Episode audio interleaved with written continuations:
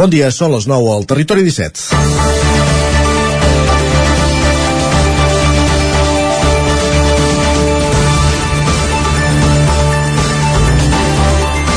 Les granges de porcs d'Osona generen cada any un milió i mig de metres cúbics de purí, el que equival a 8.600.000 quilos de nitrogen, segons les dades recollides a la memòria del 2021 de la taula per la gestió sostenible de la ramaderia d'Osona, que es va presentar dijous.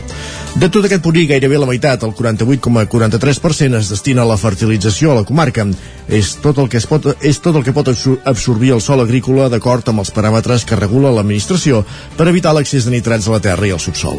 De fet, 40 dels 50 municipis de la comarca estan dins de la zona vulnerable i això fa que des que es va aplicar el decret de dejeccions en aquesta zona no, no s'hi puguin fer més granges i ni, tampoc pugui créixer el, el nombre de caps de bestiar. Centrem-nos, però, en el 51% restant del purí. Una part important, el 34%, ja es tracta en plantes que s'han anat instal·lant en algunes granges o en plantes de compostatge. El repte és ara que tot l'excedent de purí no només es pugui tractar, sinó que més es pugui valoritzar. En això està fent una tasca ingent el Centre Tecnològic Beta de la Universitat de Vic, de Barcet amb el sector ramader. El Fertimanure, un projecte a nivell europeu, però que Osona, amb una planta pilota malla, es dedica als purins de porc, n'és un bon exemple.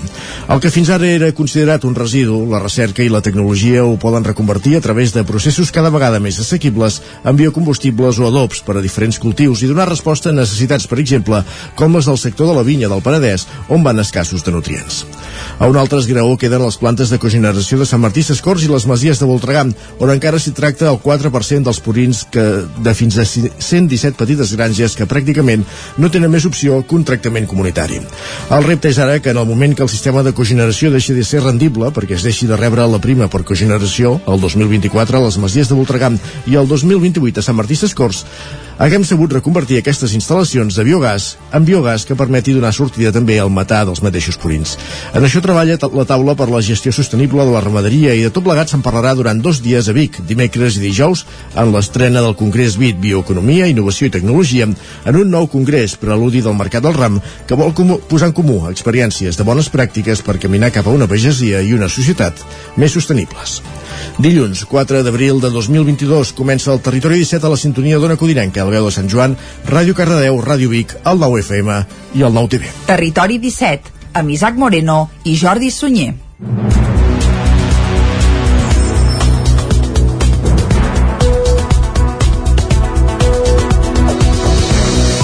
Passen 3 minutets de les 9 del matí d'avui dilluns, dia 4 d'abril de 2022. Arrenca ara mateix un nou Territori 17 que avui, com sempre, durant la primera hora us acostarà tota l'actualitat de les nostres comarques. A partir de les 10 actualitzarem butlletí informatiu i tot seguit anirem cap a l'entrevista. Avui on anirem, Isaac? Avui, des d'una codinenca amb la Caral Campàs.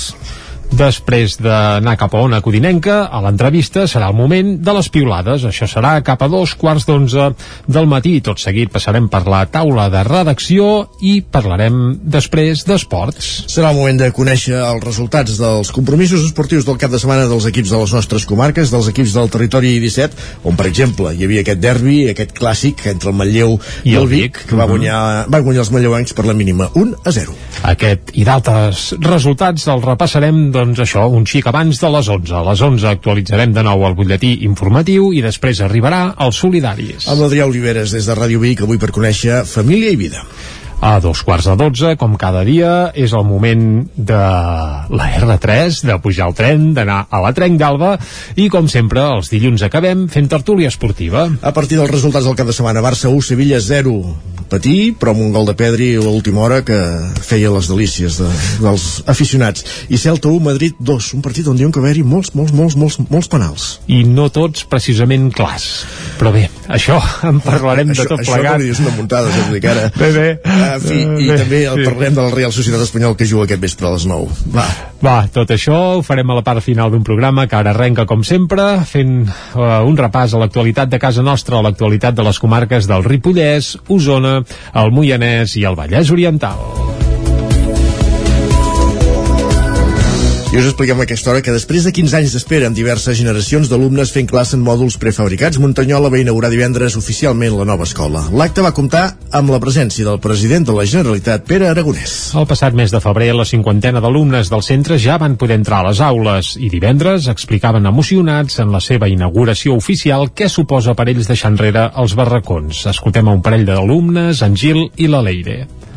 L'aire en barracons no hi estaven malament, bueno, amb algunes, amb algunes goteres quan plovia i els dilluns al matí feia una mica de fred. Ara ens podrem trobar tots a dins de l'edifici ens hi sentim me més protegits, com si fóssim a casa. La nova escola consta de quatre aules, una per cada cicle, una biblioteca, una sala polivalent i despatxos. El president de la Generalitat, Pere Aragonès, va aprofitar la inauguració per posar en valor la feina que fan les escoles rurals. L'escoltem. Garantir la continuïtat de les escoles a les zones rurals del país i a tots els municipis és importantíssim.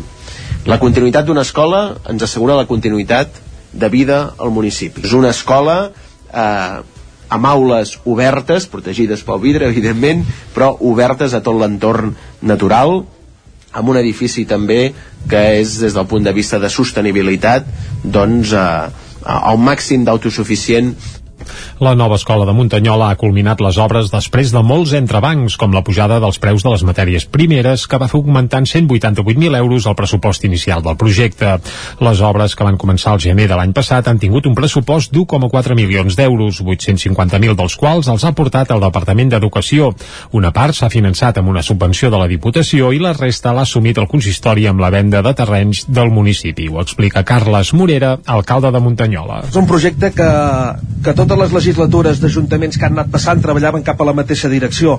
És una cosa que és importantíssima per Muntanyola. Des de fa aproximadament, aproximadament 15 anys que es van implantar els mòduls ja treballaven cap a aquesta direcció els diferents consistoris que han anat passant i nosaltres hem pogut culminar una feina de, de 15 anys que ens ha costat molt.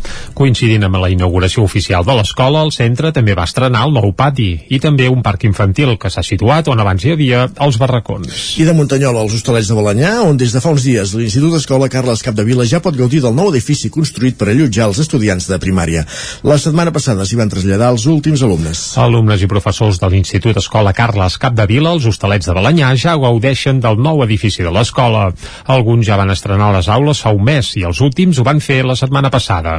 El trasllat, de moment, dels alumnes de primària s'ha fet de manera pausada i tranquil·la per no alterar l'any acadèmic tant d'alumnes com de professors. Ho explica Eric Vila, que és el director de l'Institut Escola Carles Capdevila. Creiem que ha sigut una estrena molt, molt natural, s'ha intentat fer el trasllat de l'edifici eh, que ara ocupen els de secundària doncs d'una manera molt pausada i molt tranquil·la perquè era la, era la voluntat nostra intentar alterar el mínim possible l'any acadèmic i bé, ara estem instal·lats ja tots els, els de primària estan instal·lats aquí al nou edifici i bueno, només podem dir coses positives perquè realment doncs, el gaudir de més espai, de més qualitat d'espais doncs eh, estem, estem molt bé. El nou edifici ha tingut una molt bona rebuda per part dels estudiants i dels docents. Ara disposen de classes més àmplies, aules especialitzades i aules polivalents. Els alumnes n'estan encantats. Escoltem a Ariadna Reinon.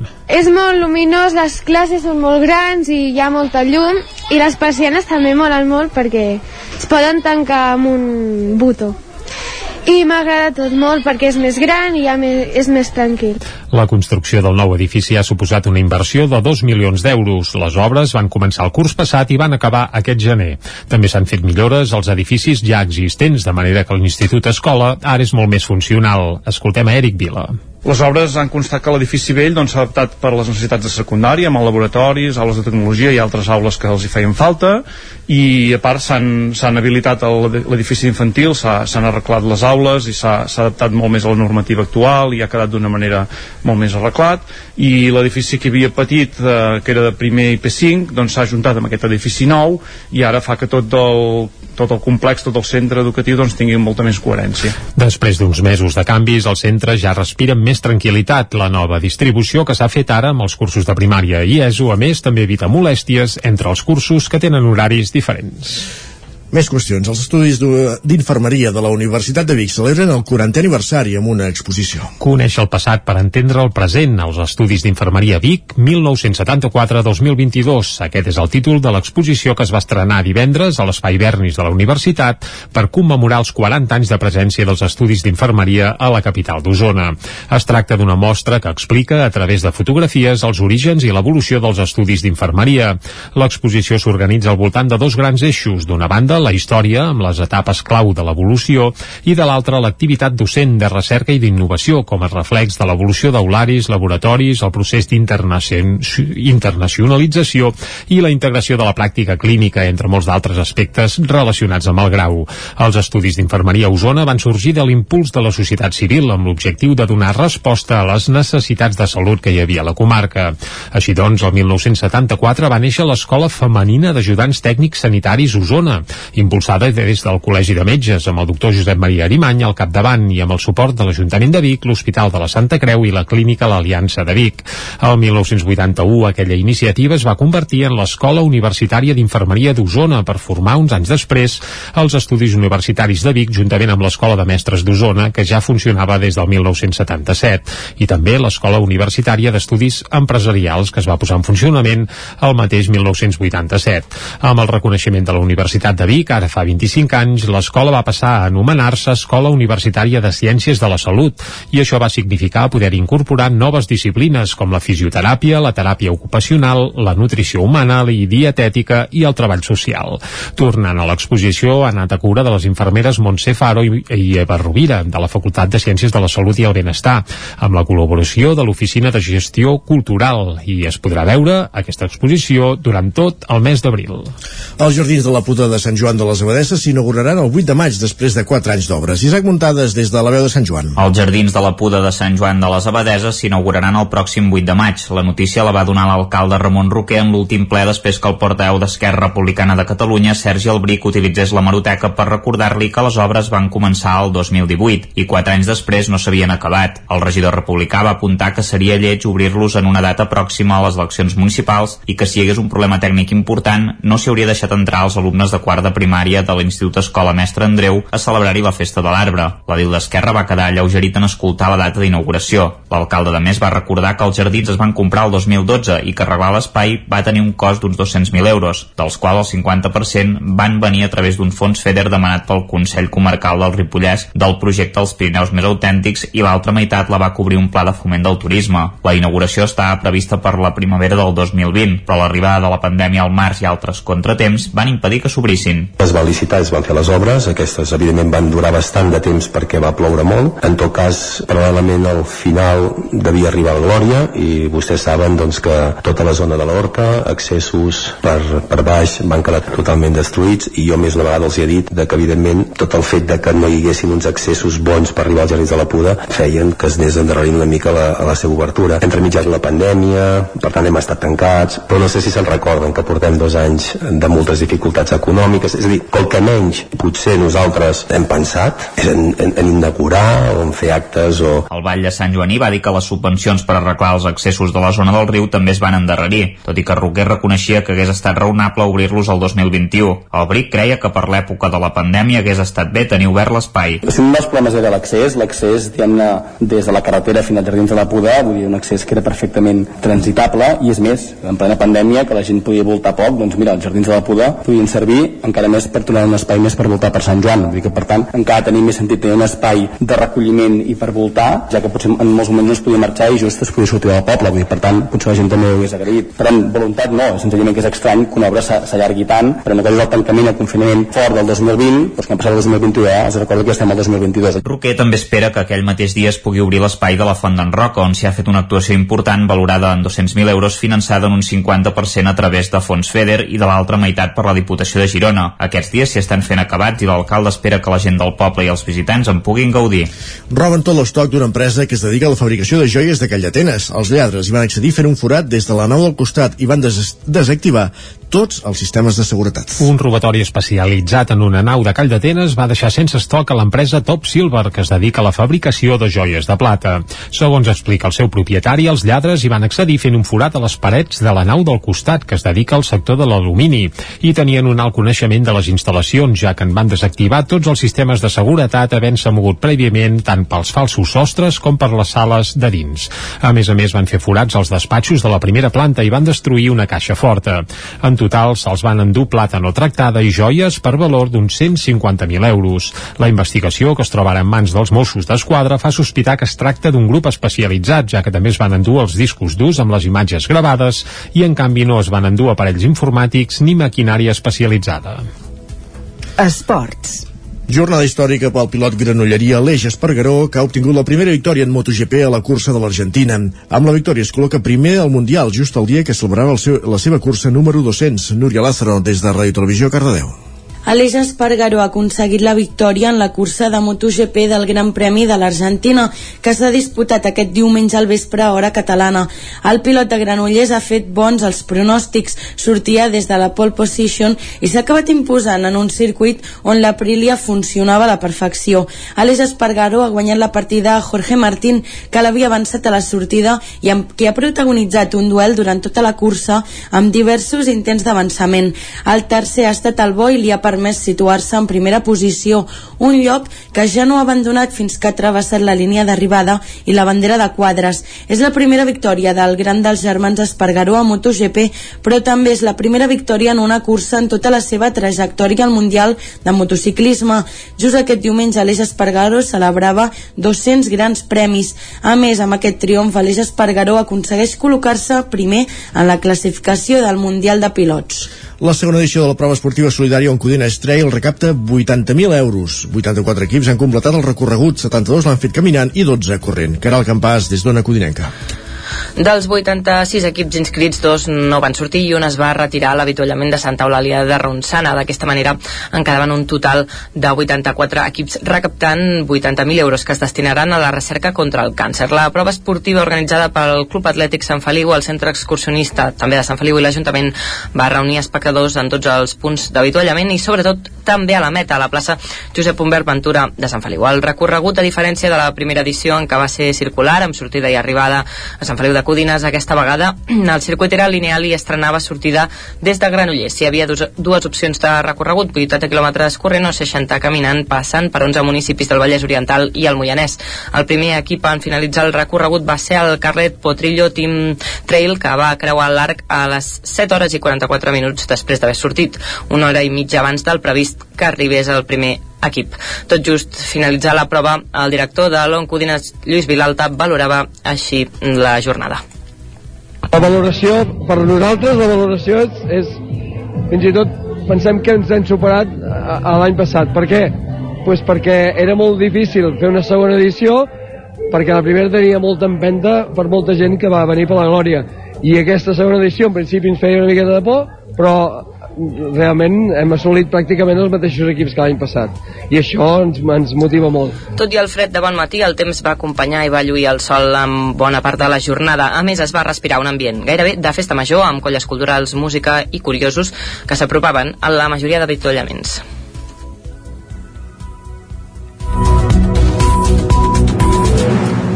I acabem aquí aquest repàs informatiu que començàvem al punt de les 9 en companyia, com sentíem ara, de la Caral Campàs, la Núria Lázaro, en Jordi Sunyer i l'Isaac Muntades. Moment de conèixer la previsió meteorològica de saludar en Pep Acosta i saber si comencen a remuntar les temperatures.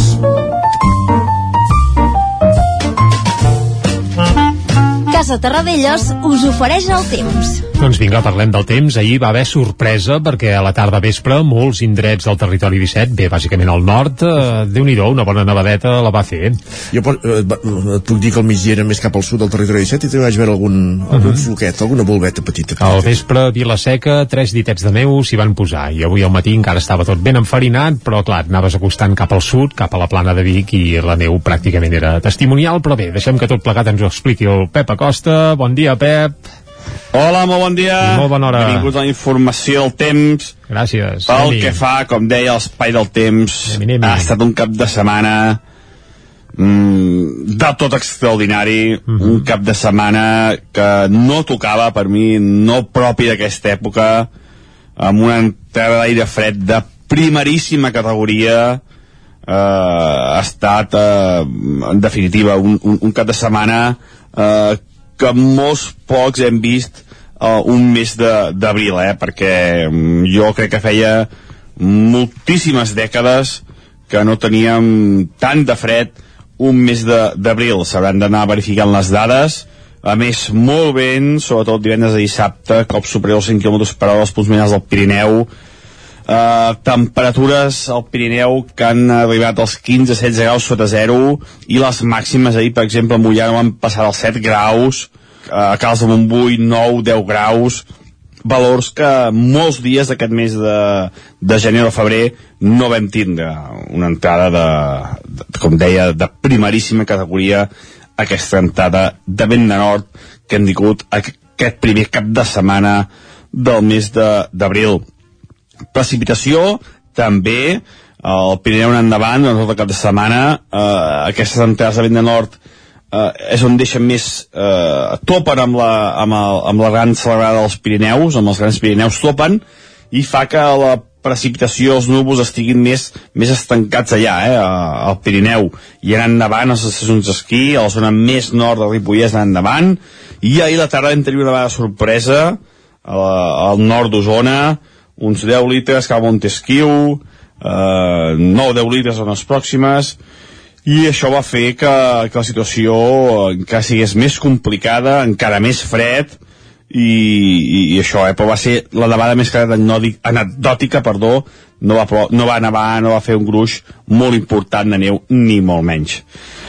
I aquesta onada de fred eh, es va acabant eh, a les parts més altes eh, ja no ha baixat tant la temperatura per tant això indica que la injecció aquesta de fred ja es va acabant i els vents no arrenquen de latituds tan altes. Eh, tot i això encara ha glaçat a moltes poblacions aquesta nit 1 sota 0 que els de Montbui 3-4 sota 0 a Mollà a Molló 9-10 sota 0 però a molta muntanya ha baixat a 5-6 sota 0 per tant eh, aquí, aquí podem observar com la injecció aquesta de fred es va acabant una mica i és que avui tenim un dia de bastant de sol però mica en mica aniran sorgint núvols sobretot de mar cap a terra. Això indica també que els vents seran diferents però en cap cas avui plourà. Mm, i els núvols no seran molt espessos ni de bon tros. I les nits eh, la propera nit ja no serà tan freda. Eh, aquestes 3-4 nits de glaçades sens dubte han fet mal a moltes zones agrícoles. No, no, no hi ha dubte que ha sigut una, unes jornades dures perquè segur que moltes plantacions han estat afectades. Moltes cases particular amb, amb, amb flors que teniu als jardins, arbres també han rebut, seguríssim perquè ja dic que ha sigut una, unes nits amb moltes hores de glaçada ja hi ha la floració avançada i s'ha fet molt mal seguríssim però la pròxima nit, de dilluns a dimarts ja no serà tan freda ja només glaçarà a les zones més elevades i a les zones més, més tradicionals on ha de glaçar. No glaçarà a tantes poblacions. I això és tot, eh, moltes gràcies per escoltar informació del temps d'un cap de setmana extraordinari eh, digne de, de gener o febrer i que mica en mica eh, tornarem a normalitat durant aquesta setmana moltes gràcies, fins aviat, adeu Vinga, gràcies a tu, Isaac, s'acaba la fredurada, mica en mica, sembla, eh? Va començar dissabte, eh? Ja... Bé, no, eh, però clar, en ple mes d'abril, home, veure Sí, sí, nevar, sí. aquestes gelades, eh, no és gaire habitual, també és cert. A vegades em meravella la grandiloquència de les informacions meteorològiques. Bé, Parlo és- per en Pep, eh? En general, en fi. És divertit, home, Sí, home, tot plegat. sí. Clar que sí, va, agafem-nos-ho bé i anem cap al quiosc, vinga. Casa Tarradellas us ha ofert aquest espai. Ja em què diuen els diaris avui a les seves portades. Comencem com a bandillos per les portades del 9-9, va. Correcte, va, i comencem per el 9-9, edició d'Osona i el Ripollès, que titula explicant que Tona projecta un centre d'educació ambiental per salvar el balneari Ullastres. L'edifici, que està en estat ruïnós, té valor patrimonial simbòlic, ja que va ser el primer que es va construir l'any 1876. Tona, que era un malic eh, nacional de- d'això de, de balnearis i termalismes, ara pràcticament hi és testimonial tot plegat i es voldria salvar una mica eh, aquest patrimoni, doncs, per exemple, recuperant el balneari Ullastres. La fotografia principal és pel derbi entre el Vic i el Manlleu, de futbol, de primera catalana, que es van dur al Manlleu eh, per 1 a 0. També apareix que el Voltregà, victòria important del Voltregà per salvar-se, va guanyar el Palafrugell per 4 a 3. El Manlleu, en canvi, va perdre 2 a 4 a Alcoi. Anem al 9-9 del Vallès Oriental, titular principal per Bernocell, que es compromet a buscar consensos a la seva investidura d'alcaldessa. Alba Bernocell és la nova alcaldessa de Granollers des de divendres en eh, substitució de Mayoral que va deixar el consistori, ja ho hem explicat aquí a Territori 17 fa uns dies. També mor a 75 anys Francesc Pardo, bisbe de Girona i ex-rector de Granollers, i a la portada també hi apareix doncs, Aleix Espargaró, el pilot granollerí, que aquest cap de setmana bé, va col·leccionar fites, eh, perquè va ser el primer de la cursa, va agafar el liderat de MotoGP i també va aconseguir la primera victòria d'Aprilia a MotoGP. És I a dir que... la primera també. I també la seva primera a MotoGP. Per tant, des d'aquí, per molts anys i felicitats a l'Aleix Espargaró. Anem cap a les portades d'àmbit nacional. Comencem pel punt avui, que titulen La guerra amb ulls d'infant. Fan un especial sobre la guerra a Ucraïna amb ulls d'infant i amb grafia també d'infant. Aquest titular és amb lletra així feta Lligada. per un nen, exacte, lletra lligada i manual. També hi apareix que prou reculades l'ANC va fer una assemblea ahir a Sant Cugat, eh, on l'Hisenda Pelusier, doncs, evidentment, ja porta 4 anys a la càrrec, hi haurà qui la rellevarà, i van denunciar que ja n'hi ha prou eh, bé, bàsicament van denunciar que el govern malbarata el 52% de vots independentistes que té. També veiem que Pedri situa el Barça segon eh, això a la portada del punt avui i que la neu complica l'operació tornada això va ser ahir al vespre eh, deixem la portada del punt avui anem a més portades el diari Ara L'Ara obre explicant que Occident acusa Rússia de crims de guerra en la retirada de Kiev. També el Barça segon Uh, no, perdó, el Barça guanya el Sevilla amb autoritat. Això apunten a la portada de l'Ara i es situa segon a la classificació.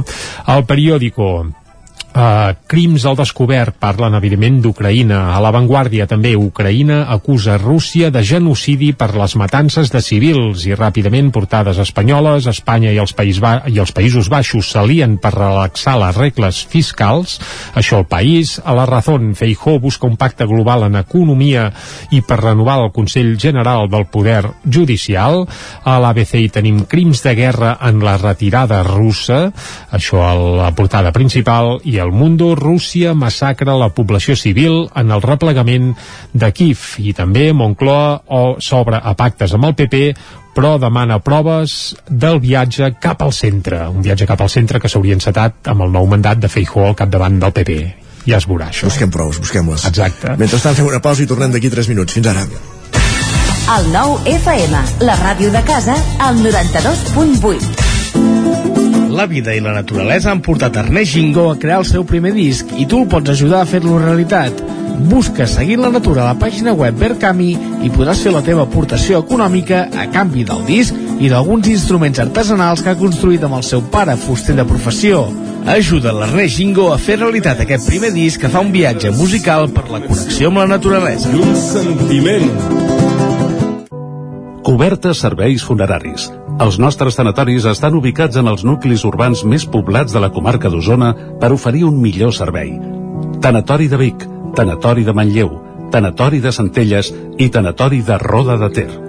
Sabem que són moments difícils i per això el nostre compromís és atendre-us en tot moment amb un tracte humà, sensible i respectuós. Cobertes serveis funeraris. Telèfon 24 hores 93 883 23 46. Has d'organitzar un esdeveniment? A l'Ineixat lloguem les cadires, taules, plats, coberts, rams de flors i tota la decoració necessària per preparar qualsevol esdeveniment. Vine a buscar material per a festes, casaments, celebracions culturals, espectacles, concerts o reunions d'empresa i de família. Ens pots venir a veure al passeig de la Generalitat número 52 Baixos de Vic, buscar-nos a les xarxes o trucar-nos al telèfon 670 38 96 25. Ah, i també ens trobaràs a Girona. A l'Ineixa tenim tot el que pots necessitar per fer-te la vida més fàcil. Això és el que s'escolta al voltant d'una caldera saunia d'Oval. Tranquilitat i benestar, perquè gaudeix del millor manteniment del servei tècnic oficial per estar despreocupat. O el que vulgui. Informis a Oficiat Nord trucant al 938860040. Saunia d'Oval, sempre al seu costat. La ràdio de casa al 92.8. El 9 FM. Cocodril Club. Si t'agrada la bona música dels anys 60, 70 i 80, escolta el 9 FM els matins de dissabtes i diumenges d'11 a 1. És el temps del Cocodril Club, tot un clàssic de la ràdio, amb les bases del pop-rock, les llegendes, les cançons que s'han convertit en autèntics himnes. Recorda, dissabtes i diumenges al matí, d'11 a 1, al 9 FM 92.8. Cocodril Club, el programa revival de l'Albert Malla. Hasta luego, cocodrilo. Anuncia't al 9FM. La màquina de casa. 9 3 8 8 9 4 9 4 9 Publicitat arroba al 9FM.cat. Anuncia't al 9FM. La publicitat més eficaç. El 9 FM, el 9 FM, el 9 FM, el 9 FM. En punt dos quarts de 10 al territori 17. Territori 17, amb Isaac Moreno i Jordi Sunyer.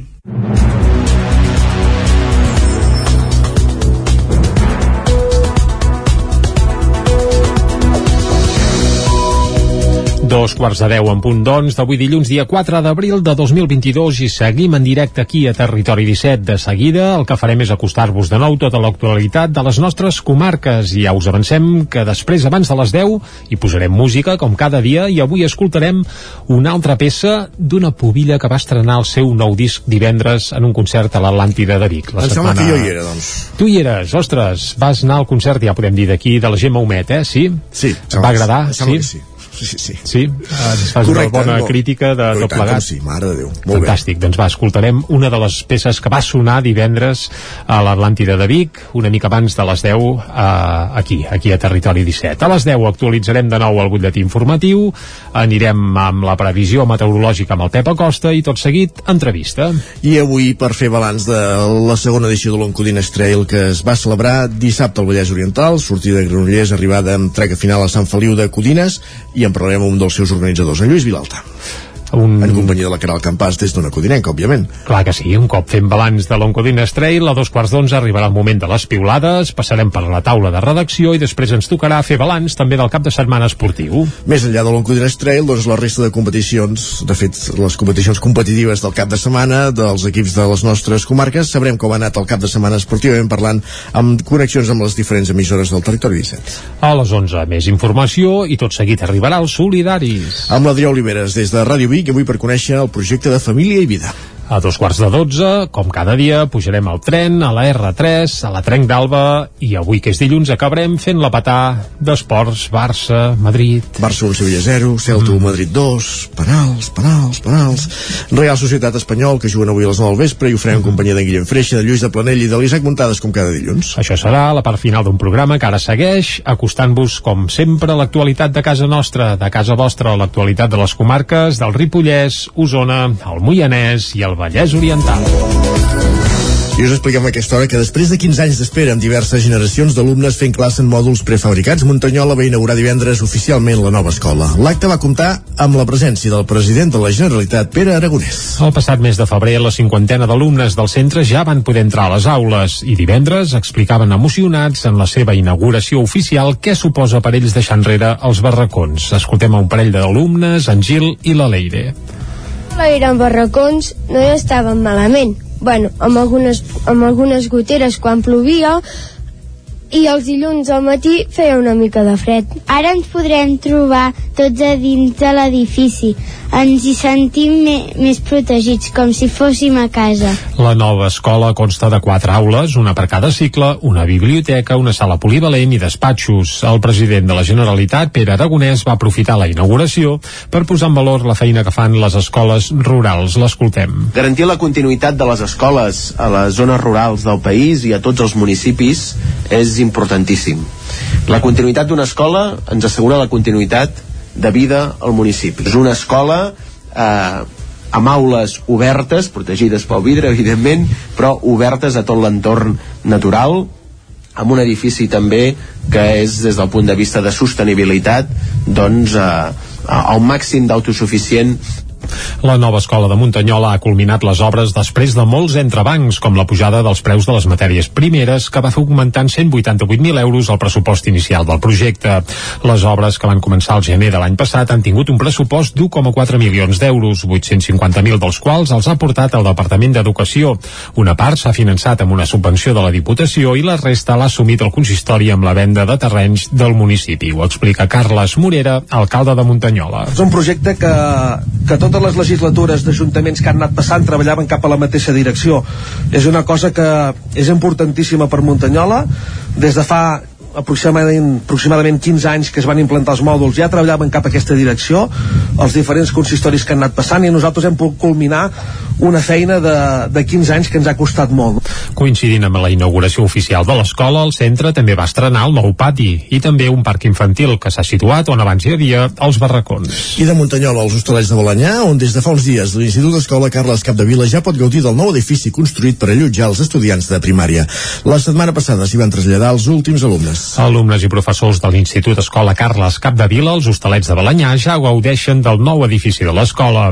Alguns ja van estrenar les aules fa un mes i els últims ho van fer la setmana passada. El trasllat, de moment, dels alumnes de primària s'ha fet de manera pausada i tranquil·la per no alterar l'any acadèmic tant d'alumnes com de professors. Ho explica Eric Vila, que és el director de l'Institut Escola Carles Capdevila. Creiem que ha sigut una estrena molt, molt natural, s'ha intentat fer el trasllat de l'edifici eh, que ara ocupen els de secundària doncs d'una manera molt pausada i molt tranquil·la perquè era la, era la voluntat nostra intentar alterar el mínim possible l'any acadèmic i bé, ara estem instal·lats ja tots els, els de primària estan instal·lats aquí al nou edifici i bueno, només podem dir coses positives perquè realment doncs, el gaudir de més espai, de més qualitat d'espais doncs eh, estem, estem molt bé. El nou edifici ha tingut una molt bona rebuda per part dels estudiants i dels docents. Ara disposen de classes més àmplies, aules especialitzades i aules polivalents. Els alumnes n'estan encantats. Escoltem a Ariadna Reinon.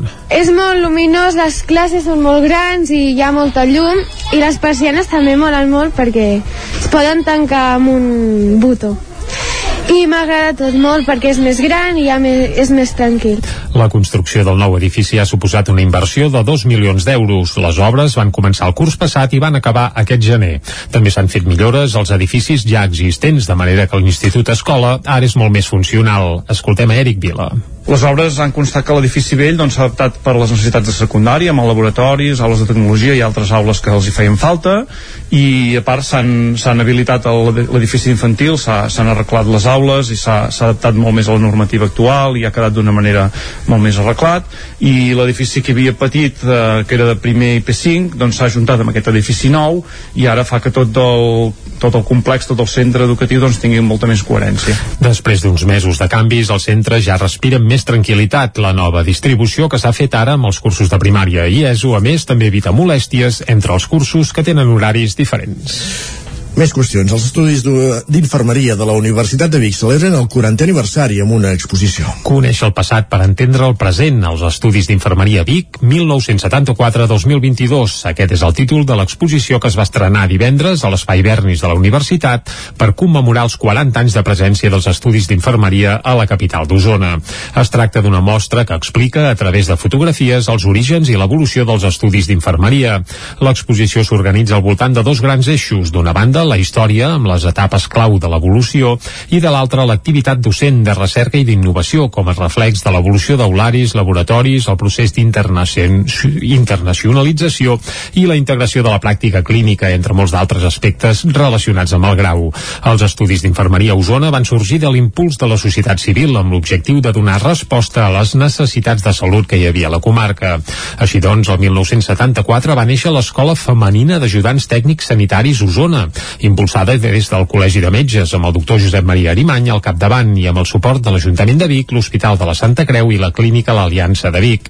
El 1981 aquella iniciativa es va convertir en l'Escola Universitària d'Infermeria d'Osona per formar uns anys després els Estudis Universitaris de Vic juntament amb l'Escola de Mestres d'Osona que ja funcionava des del 1977 i també l'Escola Universitària d'Estudis Empresarials que es va posar en funcionament el mateix 1987. Amb el reconeixement de la Universitat de Vic Vic, ara fa 25 anys, l'escola va passar a anomenar-se Escola Universitària de Ciències de la Salut i això va significar poder incorporar noves disciplines com la fisioteràpia, la teràpia ocupacional, la nutrició humana, la dietètica i el treball social. Tornant a l'exposició, ha anat a cura de les infermeres Montse Faro i Eva Rovira, de la Facultat de Ciències de la Salut i el Benestar, amb la col·laboració de l'Oficina de Gestió Cultural i es podrà veure aquesta exposició durant tot el mes d'abril. Els jardins de la Puta de Sant Joan de les Abadesses s'inauguraran el 8 de maig després de 4 anys d'obres. Isaac Muntades des de la veu de Sant Joan. Els jardins de la Puda de Sant Joan de les Abadeses s'inauguraran el pròxim 8 de maig. La notícia la va donar l'alcalde Ramon Roquer en l'últim ple després que el portaveu d'Esquerra Republicana de Catalunya, Sergi Albric, utilitzés la maroteca per recordar-li que les obres van començar el 2018 i 4 anys després no s'havien acabat. El regidor republicà va apuntar que seria lleig obrir-los en una data pròxima a les eleccions municipals i que si hi hagués un problema tècnic important no s'hi hauria deixat entrar els alumnes de quart de primària de l'Institut Escola Mestre Andreu a celebrar-hi la festa de l'arbre. L'edil d'Esquerra va quedar alleugerit en escoltar la data d'inauguració. L'alcalde de més va recordar que els jardins es van comprar el 2012 i que arreglar l'espai va tenir un cost d'uns 200.000 euros, dels quals el 50% van venir a través d'un fons FEDER demanat pel Consell Comarcal del Ripollès del projecte Els Pirineus Més Autèntics i l'altra meitat la va cobrir un pla de foment del turisme. La inauguració està prevista per la primavera del 2020, però l'arribada de la pandèmia al març i altres contratemps van impedir que s'obrissin. Es va licitar, es van fer les obres, aquestes evidentment van durar bastant de temps perquè va ploure molt. En tot cas, paral·lelament al final devia arribar la Glòria i vostès saben doncs, que tota la zona de l'Horta, accessos per, per baix van quedar totalment destruïts i jo més una vegada els he dit de que evidentment tot el fet de que no hi haguessin uns accessos bons per arribar als Jardins de la Puda feien que es anés endarrerint una mica la, a la seva obertura. Entre mitjans la pandèmia, per tant hem estat tancats, però no sé si se'n recorden que portem dos anys de moltes dificultats econòmiques, és a dir, el que menys potser nosaltres hem pensat en, en, en inaugurar o en fer actes o... El Vall de Sant Joaní va dir que les subvencions per arreglar els accessos de la zona del riu també es van endarrerir, tot i que Roquer reconeixia que hagués estat raonable obrir-los el 2021. El BRIC creia que per l'època de la pandèmia hagués estat bé tenir obert l'espai. Un dels problemes era l'accés, l'accés, diguem-ne, des de la carretera fins als jardins de la Puda, vull dir, un accés que era perfectament transitable, i és més, en plena pandèmia, que la gent podia voltar poc, doncs mira, els jardins de la Puda podien servir encara més per tornar un espai més per voltar per Sant Joan, vull dir que per tant encara tenim més sentit tenir un espai de recolliment i per voltar, ja que potser en molts moments no es podia marxar i just es podia sortir del poble, vull dir, per tant, potser la gent també ho hagués agraït. Però en voluntat no, senzillament que és estrany que una obra s'allargui tant, però en aquest el tancament el confinament fort del 2020, doncs que han passat el 2021, eh, es recorda que estem al 2022. Roquer també espera que aquell mateix dia es pugui obrir l'espai de la Font d'en Roca, on s'hi ha fet una actuació important valorada en 200.000 euros finançada en un 50% a través de fons FEDER i de l'altra meitat per la Diputació de Girona. Aquests dies s'hi estan fent acabats i l'alcalde espera que la gent del poble i els visitants en puguin gaudir. Roben tot l'estoc d'una empresa que es dedica a la fabricació de joies de Call d'Atenes. Els lladres hi van accedir fent un forat des de la nau del costat i van des desactivar tots els sistemes de seguretat. Un robatori especialitzat en una nau de Call d'Atenes va deixar sense estoc a l'empresa Top Silver, que es dedica a la fabricació de joies de plata. Segons explica el seu propietari, els lladres hi van accedir fent un forat a les parets de la nau del costat, que es dedica al sector de l'alumini, i tenien un alt coneixement de les instal·lacions, ja que en van desactivar tots els sistemes de seguretat havent-se mogut prèviament tant pels falsos sostres com per les sales de dins. A més a més, van fer forats als despatxos de la primera planta i van destruir una caixa forta. En total, se'ls van endur plata no tractada i joies per valor d'uns 150.000 euros. La investigació, que es troba ara en mans dels Mossos d'Esquadra, fa sospitar que es tracta d'un grup especialitzat, ja que també es van endur els discos durs amb les imatges gravades i, en canvi, no es van endur aparells informàtics ni maquinària especialitzada. Esports. Jornada històrica pel pilot granolleria Aleix Espargaró, que ha obtingut la primera victòria en MotoGP a la cursa de l'Argentina. Amb la victòria es col·loca primer al Mundial, just el dia que celebrava el seu, la seva cursa número 200. Núria Lázaro, des de Ràdio Televisió, Cardedeu. Aleix Espargaró ha aconseguit la victòria en la cursa de MotoGP del Gran Premi de l'Argentina, que s'ha disputat aquest diumenge al vespre a hora catalana. El pilot de Granollers ha fet bons els pronòstics, sortia des de la pole position i s'ha acabat imposant en un circuit on l'Aprilia funcionava a la perfecció. Aleix Espargaró ha guanyat la partida a Jorge Martín, que l'havia avançat a la sortida i amb qui ha protagonitzat un duel durant tota la cursa amb diversos intents d'avançament. El tercer ha estat el bo i li ha permès situar-se en primera posició, un lloc que ja no ha abandonat fins que ha travessat la línia d'arribada i la bandera de quadres. És la primera victòria del Gran dels Germans Espargaró a MotoGP, però també és la primera victòria en una cursa en tota la seva trajectòria al Mundial de Motociclisme.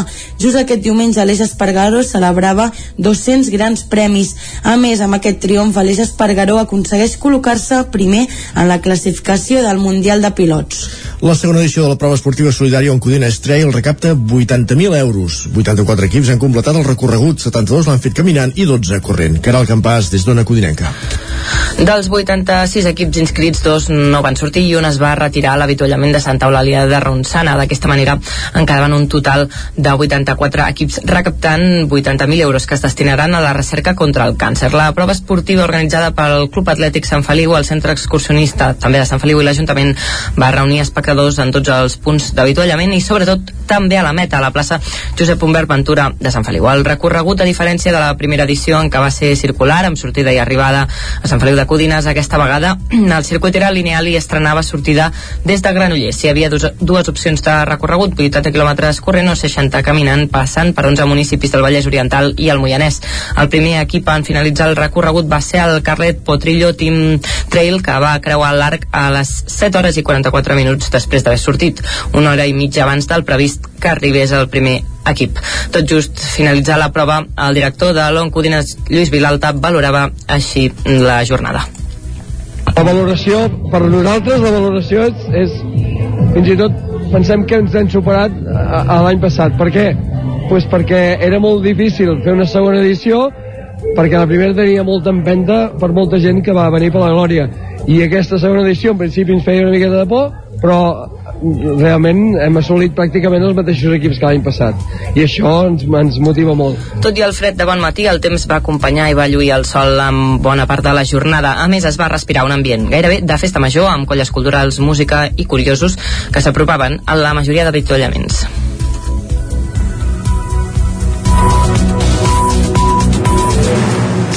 I acabem aquí aquest repàs informatiu que començàvem al punt de les 9 en companyia, com sentíem ara, de la Caral Campàs, la Núria Lázaro, Jordi Sunyer i l'Isaac Muntades. Moment de conèixer la previsió meteorològica de saludar en Pep Acosta i saber si comencen a remuntar les temperatures.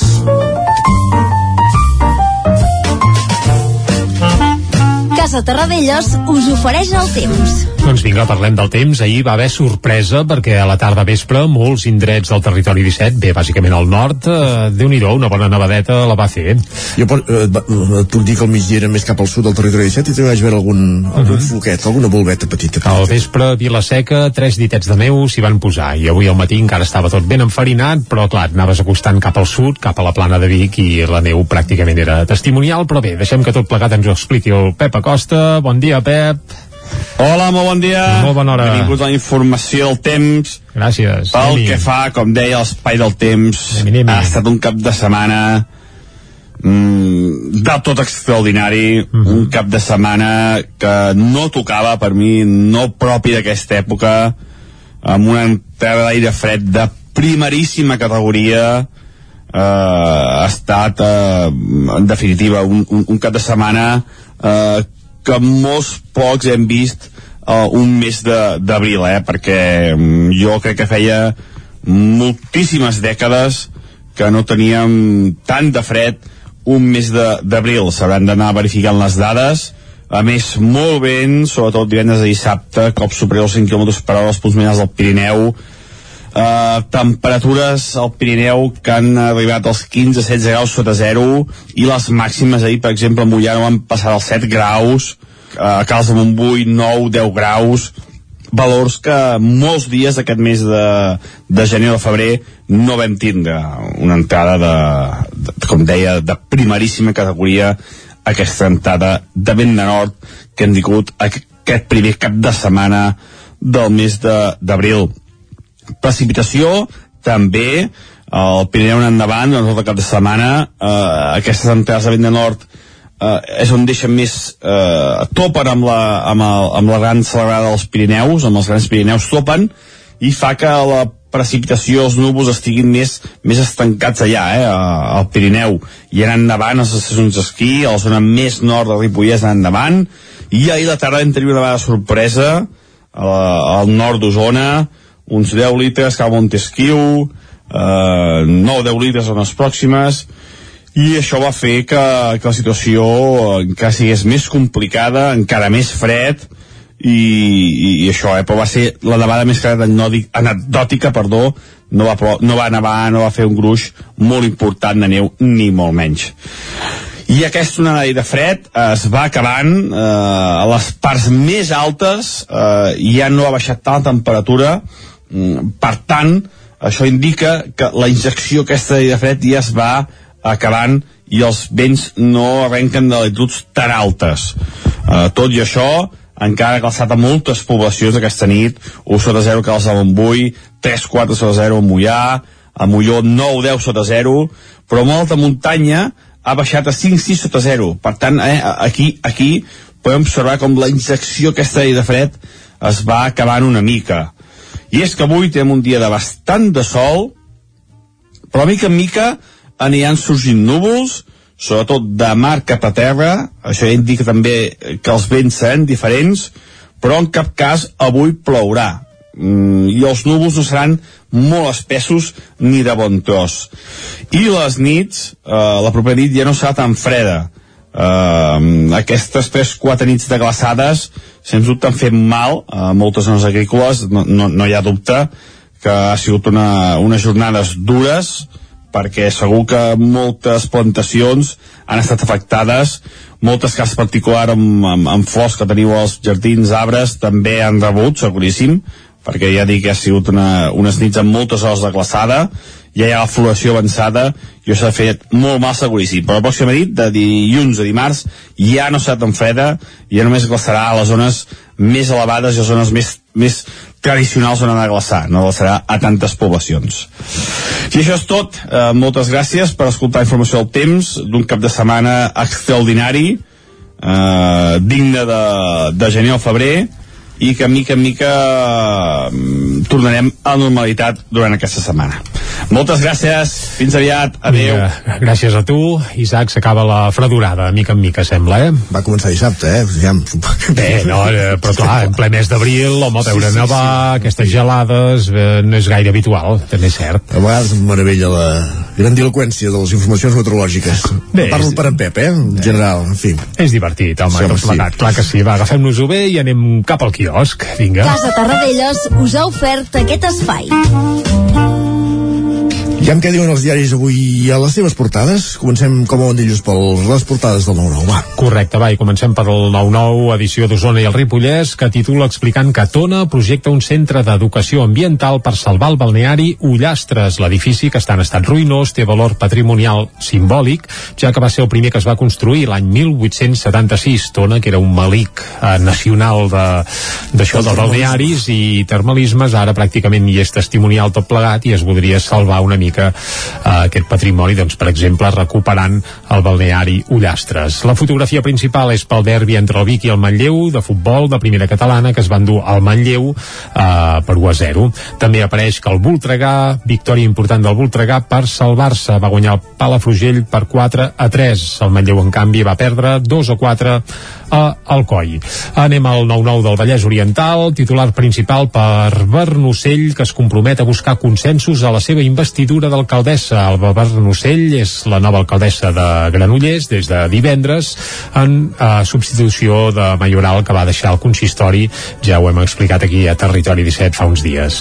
També mor a 75 anys Francesc Pardo, bisbe de Girona i ex-rector de Granollers, i a la portada també hi apareix doncs, Aleix Espargaró, el pilot granollerí, que aquest cap de setmana bé, va col·leccionar fites, eh, perquè va ser el primer de la cursa, va agafar el liderat de MotoGP i també va aconseguir la primera victòria d'Aprilia a MotoGP. És I, la, que, la primera, també. I també la seva primera a MotoGP. Per tant, des d'aquí, per molts anys i felicitats a l'Aleix Espargaró.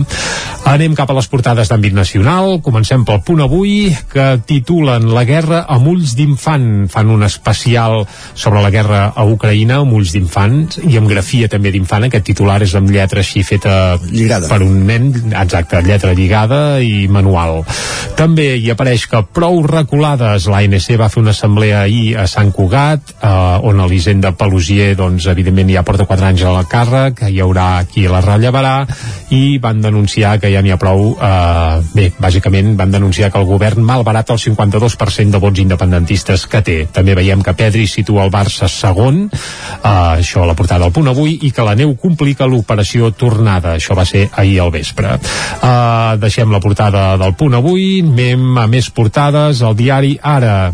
L'Ara obre explicant que Occident acusa Rússia de crims de guerra en la retirada de Kiev. També el Barça segon Uh, no, perdó, el Barça guanya el Sevilla amb autoritat. Això apunten a la portada de l'Ara i es situa segon a la classificació. El periòdico Uh, crims al descobert parlen evidentment d'Ucraïna. A l'avantguàrdia també Ucraïna acusa Rússia de genocidi per les matances de civils i ràpidament portades espanyoles. Espanya i els, País ba i els Països Baixos s'alien per relaxar les regles fiscals. Això el país. A la Razón Feijó busca un pacte global en economia i per renovar el Consell General del Poder Judicial. A l'ABC hi tenim crims de guerra en la retirada russa. Això a la portada principal. I el Mundo, Rússia massacra la població civil en el replegament de Kiev i també Moncloa o s'obre a pactes amb el PP però demana proves del viatge cap al centre, un viatge cap al centre que s'hauria encetat amb el nou mandat de Feijó al capdavant del PP. Viatge al centre de la Terra, no era de Jules Verne aquesta? Exacte, sí, sí, sí, sí. Doncs guaita el PP, amb Feijó ara ja al capdavant, doncs viatge cap, a, cap al centre. Bé, uh, ho anirem No seria el mateix viatge, em sembla. No, no, no, no, perquè ens hem d'enganyar.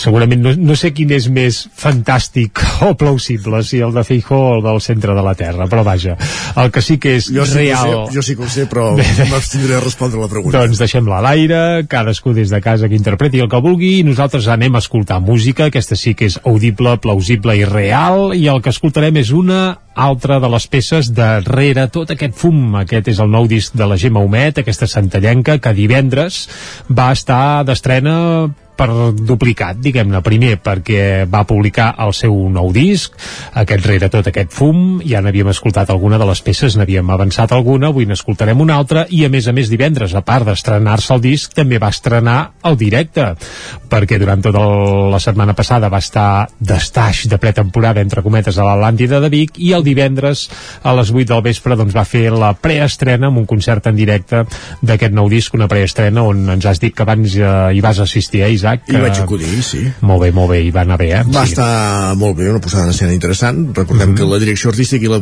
i la i escènica és d'en Guillem Albà, Uh -huh.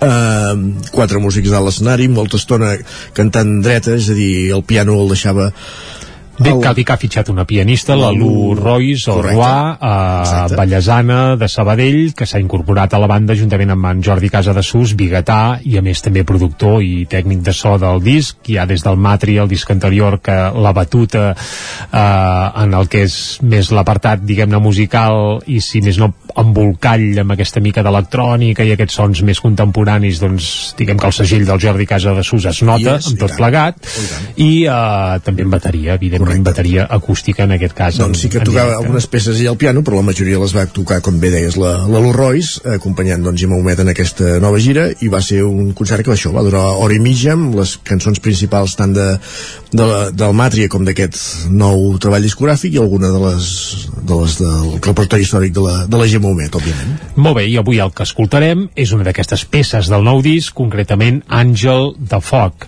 Segurament una de les peces poder més significatives perquè el casament aquest entre electrònica i la veu de la Gemma, doncs aquí brilla bé com amb tot el disc, eh? però aquí és molt, molt patent. L'escoltem i amb això arribarem fins al punt de les 10 aquí a Territori 17.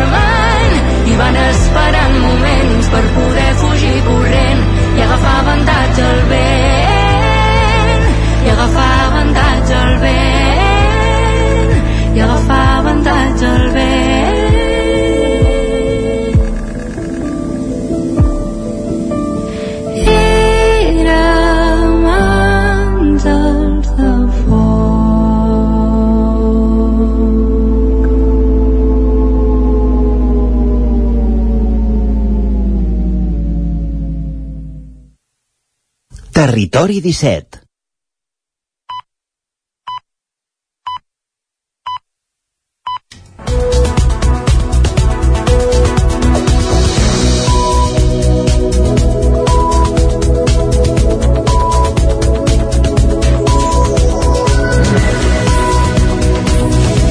aquesta hora, moment al territori 17 d'actualitzar-nos, de posar-nos al dia amb les notícies més destacades de les nostres comarques, el Ripollès, Osona, el Moianès i el Vallès Oriental, i ho fem en connexió amb les diferents emissores que cada dia fan possible aquest programa. Ona Codinenca, La Veu de Sant Joan, Ràdio Cardedeu, Ràdio Vic, el 9 FM i el 9 TV. Us expliquem a aquesta hora que el Departament de Salut plantejarà al govern la retirada de la mascareta a les escoles de primària si l'Estat no ho aborda aquesta setmana. El conseller de Salut, Josep Maria Argimon, explica que la intenció del govern espanyol és eliminar-la en interiors després de Setmana Santa. El Departament de Salut plantejarà a la comissió delegada del govern la retirada de la mascareta a l'educació primària si el Consell Interterritorial no ho aborda aquesta mateixa setmana. El conseller de Salut, Josep Maria Argimon, explica que tornarà a plantejar la qüestió per enèsima vegada aquesta setmana a la reunió de la interterritorial, però ha advertit que els infants ja no poden esperar més i que si el Ministeri de Sanitat no avança, tirarà pel dret. També ha apuntat que el govern espanyol parla d'eliminar la mascareta en interiors després de Setmana Santa, però que ell demanarà que sigui abans. Argimon ha recordat que les mascaretes estan marcades per un decret estatal i ha subratllat que des de Catalunya ja fa setmanes que es planteja una retirada gradual, començant pels més petits a les escoles. Altres territoris també ho defensen, així com les societats de pediatria, però des del Ministeri prefereixen esperar i ser més prudents. Argimon considera probable una setena onada, però ha insistit que es poden fer passes enrere i que per la previsió d'una nova onada no es pot tenir tot el país aturat. I més qüestions de l'àmbit de la salut, perquè els pobles de l'ABS Lluçanès reclamen recuperar el servei anterior a la pandèmia. Per aconseguir-ho han d'enviar una carta al conseller Josep Maria Argimon. A través d'una carta que han fet arribar al conseller de Salut, Josep Maria Argimon, els vuit munici- municipis que formen l'àrea bàsica de salut del Lluçanès han expressat la seva preocupació per la retallada del servei d'urgències nocturn al territori i també la necessitat de recuperar els serveis mèdics essencials que tenien abans de la pandèmia. A l'escrit argumenten la petició recordant que els municipis que engloba l'ABS del Lluçanès tenen un índex molt elevat d'envelliment i que la seva població presenta dificultats per fer desplaçaments i per l'ús de noves tecnologies. Els alcaldes i alcaldesses signants del manifest també remarquen la necessitat d'abordar la fractura entre el món rural i el món urbà i que fer-ho només des de la lògica econòmica seria un error abrocat al fracàs. I és que, tal com apunten, cal garantir a totes les persones la llibertat de viure on vulguin sense que això impliqui una minva de drets. En la conclusió, recorden que a l'ABS Lluçanès hi ha hagut sempre un consens social, professional i institucional per mantenir i ampliar els serveis de salut.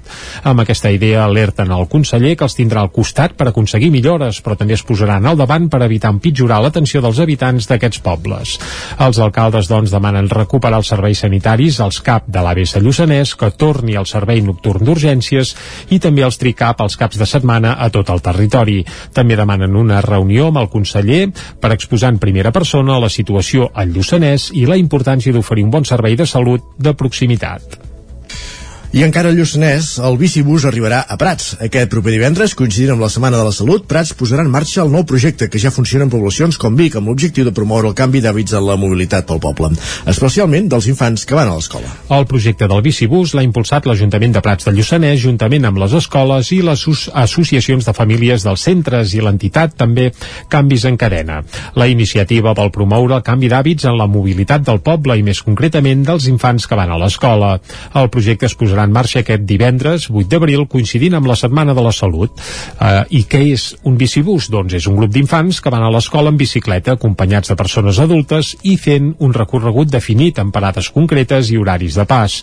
És la manera més divertida d'arribar a l'escola i també una forma de promoure el canvi cap a una mobilitat sostenible davant l'emergència climàtica, també adquirir noves habilitats i més autonomia personal per part de la comunitat educativa i per últim també contribueix a millorar la salut i el rendiment escolar dels infants. Segons detalla la regidora d'Educació de Prats, Vanessa Gómez, a partir d'ara, cada divendres, els infants de l'escola Lluçanès i l'escola FADAC, acompanyats dels seus familiars o persones motors, arribaran pedalant fins a l'escola. Per fer-ho possible, en els darrers mesos s'ha desenvolupat el projecte, el projecte detectant les famílies interessades, localitzant les seves vivendes i traçant unes línies per arribar a les escoles. La primera sortida aquest divendres. I ara anem cap al Ripollès, perquè l'Ajuntament de Ripoll torna a reclamar la construcció de la rotonda de la Font del Sant després que s'hagin produït dos accidents en pocs dies en aquest punt. Isaac Montades, des de la veu de Sant Joan. El passat 25 de març, l'alcalde de Ripoll, Jordi Monell, va tenir una reunió amb el president i conseller delegat d'Infraestructures de Catalunya, Miquel Buch, per reivindicar una vegada més la necessitat de construir una rotonda a l'entrada nord de la vila a la Nacional 260, just al costat de l'entrada de la Font del Sant. El Vall de Ripollès va apuntar que s'havien produït dos accidents en aquell punt en només 7 dies i van fer un acord a la Junta de Govern local per tornar-la a demanar. De seguida vam enviar un escrit doncs, al director territorial del, del Departament de Territori i també doncs, el secretari general del Departament i en aquest cas vaig poder tenir l'ocasió de parlar amb el, amb el president d'Infraestructures que em confirma que té el projecte tal com la Generalitat es havia compromès i com es van reunir també amb, amb el Ministeri de Carreteres de Girona i per tant tenen el projecte a la llista de l'òrgan d'inversions de la Generalitat que és Infraestructures i en aquest cas intentar doncs, mirar en quin ordre d'inversió estava i conscienciar-lo que és una actuació que pensem que és urgent perquè és un punt negre de la nostra xarxa viària i que lamentablement històricament hi ha hagut molts accidents i lamentablement alguns d'ells mortals. A principis de febrer, Monell ja havia dit que les converses estaven força avançades i que la idea és que la rotonda es pogués construir entre aquest any i el 2023. Cal recordar que en aquelles dates el Departament de Territori de la Generalitat de Catalunya va començar les obres de construcció de dues rotondes a la C26 a la Ronda Mas d'en Bosch, al tram del pavelló del Centre de Tecnificació Esportiu de la Vallaneda. Uns treballs que serviran per reduir la velocitat dels vehicles que passin per aquella via i de retruc la sinistralitat i els accidents. Està previst que els giratoris, que tenen un cost d'entre 700.000 i 800.000 euros, estiguin acabats pels vols del mes de juliol. Una de les rotondes es construirà en el punt d'intersecció entre el pavelló de la Vallaneda i l'àrea de trial de bicicletes i la Fundació Eduard Soler, mentre que l'altra es farà a l'entrada nord del polígon dels Pintors, a la zona on hi ha la benzinera i l'accés a la deixalleria. Gràcies, Isaac. Obrim ara la pàgina cultural perquè Marc Congost ha presentat el seu primer llibre, La màgia de les motxilles, davant una vintena de persones al Centre Democràtic i Progressista de Caldes aquest cap de setmana. On acudirem, que Caral Campàs? El relat forma part del volum Senyors de Fantasia de l'editorial Diversitat Literària que inclou textos de cinc autors més. Són relats de temàtiques diferents i variades, però hi ha un tret característic que els connecta a la màgia. Tot plegat s'ha gestat gràcies a una campanya de micromecenatge. Congost, que té dos fills, és advocat i compta amb el seu propi despatx a Caldes, l'escriptura sempre l'ha acompanyat, però fins ara no s'havia decidit a publicar. Després de rebre la proposta de l'editorial, va haver d'adaptar la trama que tenia plantejada a un públic de més edat, ho explicava així a la presentació d'aquest dissabte.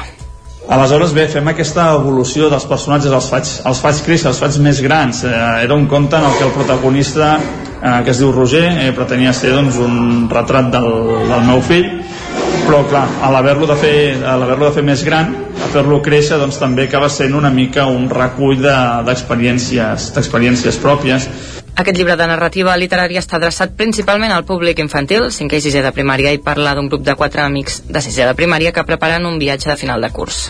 Com a, jo crec que com a tret característic és que al ser de fantasia hi ha unes motxilles que eh, donen el, el títol i que són un personatge més a la, en la trama que connecten els quatre protagonistes que es diuen Arnau, Maria, Olivia i, i Roger eh, i que eh, ara quan expliquem una mica la, la història en aquell raconet d'allà que hi ha les, les motxilles veureu la, la connexió amb les seves inicials i com s'entrellacen amb, amb ells i per què fan aquest viatge de, de final, de final de curs. Amb el llibre l'autor també vol llançar missatges com trencar amb l'estigma dels esports masculins i femenins, que cal tocar de peus a terra amb els somnis i metes que cadascú es proposa o que els estudis són un dels camins que cal tenir presents. Congós va presentar el llibre aquest dissabte al Centre Democràtic juntament amb Marina Manesses, propietària de la llibreria que distribuirà el llibre, Joc de Paraules, i davant d'una vintena de persones entre les quals hi havia la regidora de Cultura, Laia Cusco.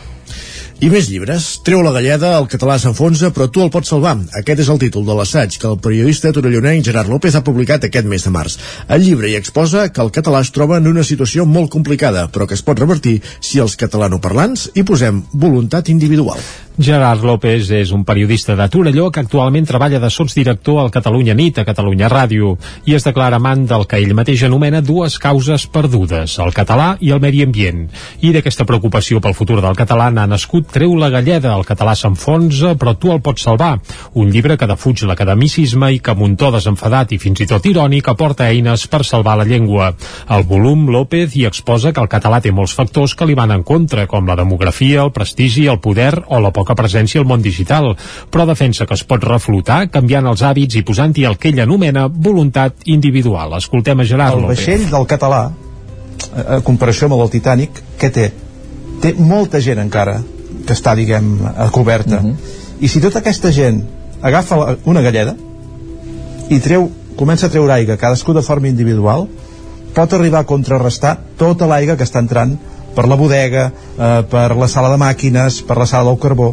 Jo crec, per l'experiència viscuda, pel fet de treballar on treballo, i també per, diguem, la militància personal que he aplicat al dia a dia en els últims 20 anys, que si tot, encara hi ha prou potencial en aquest país de la, per la llengua de que si tothom agafa la galleda la situació, tot i que és molt complicada es pot revertir. Ara bé s'ha d'agafar Doncs vinga, serà qüestió d'agafar galledes. El llibre de Gerard López es presentarà aquest dimecres a la llibreria Ona de Barcelona en un acte conduït per Mònica Terribas. I el proper dissabte, dia 9 d'abril, es presentarà, perdó, a la, a la Biblioteca Dos Rius de Torelló. I la Sant Cubatenca Martina Boron guanya Objectiu Paqui, el talent show de Ràdio Televisió Cardedeu i la xarxa. Properament gravarà el seu primer single amb la discogràfica Crea Músic. Ràdio Cardedeu, Núria Lázaro. Més de 150.000 espectadors van seguir en directe a la final d'Objectiu Paqui. La Jana, la Martina, la Naia, l'Abril i la Mariona eren les cinc finalistes que van sortir a l'escenari a defensar per última vegada el tema escollit per la gran final. En la primera ronda es va conèixer el nom de la quarta i la cinquena classificades d'Objectiu Paqui, la Naia i la Jana. Aquí començava, doncs, la segona ronda amb l'Abril, la Martina i la Mariona. La Mariona va interpretar la cançó d'Oli Mars, Up, acompanyada de Jay Evans. Després l'Abril va cantar Mercy de la Daffy, també amb Jay Evans, i per acabar, la Martina Boron amb Hero de la Maria Carey. Mentre s'esperava el resultat final, la Mayo Serrasolsa es va tocar a l'escenari amb la seva banda el tema Progresso adequadament i també la Ushue Souto, guanyadora de la primera edició amb el seu tema Untouchable. Amb un 42,9% dels vots, la Martina Boron de Sant Cugat del Vallès es va convertir en la guanyadora de la segona edició d'Objectiu Paqui, un talent que tornarà amb una tercera edició. Tota la informació anirà apareixent a les xarxes socials del programa. Ja ens anirem fent ressò aquí al Territori 17. Gràcies, Núria. Anem pel temps.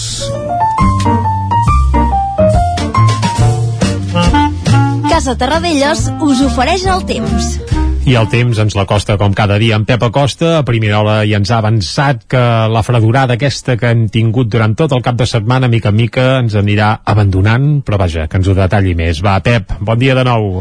Hola, molt bon dia. Molt bona hora. I aquesta onada de fred I aquesta, es va aquesta. acabant. Eh, a les parts més altes eh, ja no ha baixat tant la temperatura. Mm, per tant, això indica que la injecció aquesta de fred ja es va acabant i els vents no arrenquen de latituds tan altes. Eh, tot i això, encara ha calçat a moltes poblacions aquesta nit, 1 sota 0 calç a Montbui, 3-4 sota 0 a Mollà, a Molló 9-10 sota 0, però molta muntanya ha baixat a 5-6 sota 0. Per tant, eh, aquí, aquí podem observar com la injecció aquesta de fred es va acabant una mica. I és que avui tenim un dia de bastant de sol, però mica en mica aniran sorgint núvols, sobretot de mar cap a terra, això ja indica també que els vents seran diferents, però en cap cas avui plourà. mm, i els núvols no seran molt espessos ni de bon tros. Al fer més sol i a l'acabar-se aquesta injecció d'aire del nord, eh, mica en mica la temperatura anirà pujant. I ahir molts valors, com deia, no van arribar als 10 graus, avui gairebé totes les poblacions superarem aquests 10 graus. I ens quedem entre els 10 i els 12-13. Seran temperatures encara molt més baixes de l'habitual. Som a 4 d'abril, ara hauríem d'estar a 22, poder 23, 24 a les màximes, fins algun dia 25, eh, que serien temperatures eh, bastant normals per l'època de l'any. Doncs ens quedarem això, entre els 10 i els 13. Ja veieu eh, quina baixada de temperatura, quina mitjana temperatures més baixa respecte a la que hauria de tocar tenim. I les nits, eh, la propera nit ja no serà tan freda. Uh, aquestes 3-4 nits de glaçades sens dubte han fet mal a moltes zones agrícoles no, no, no hi ha dubte que ha sigut una, unes jornades dures perquè segur que moltes plantacions han estat afectades moltes cases particular amb, amb, amb flors que teniu als jardins, arbres també han rebut, seguríssim perquè ja dic que ha sigut una, unes nits amb moltes hores de glaçada ja hi ha la floració avançada i s'ha fet molt mal seguríssim. Però la pròxima nit, de dilluns a dimarts ja no serà tan freda ja només glaçarà a les zones més elevades i les zones més, més tradicionals on anar a glaçar no glaçarà a tantes poblacions. I això és tot, eh, moltes gràcies per escoltar informació del temps d'un cap de setmana extraordinari eh, digne de, de gener o febrer i que mica en mica eh, tornarem a la normalitat durant aquesta setmana moltes gràcies, gràcies fins aviat, adeu. Ah, merci a tu, Pep. Jo diria, que és, jo diria que és la primera vegada des que existeix aquesta cançó que podem cantar allò de que és nit freda per ser abril, que deien els Manel, eh? Ah, és nit freda per ser abril, sí, sí, sí, sí. Doncs goita, és nit freda per ser abril. Va. Ja sabem d'on els hi va venir la inspiració. Exacte. Van tenir un atac futurista i Va, van, això, van venir a parar fins al 2022. I ara anem cap a l'entrevista nosaltres. Casa Tarradellas us ha ofert aquest espai. Passa un minut d'un quart d'onze, anem cap a l'entrevista al territori 17.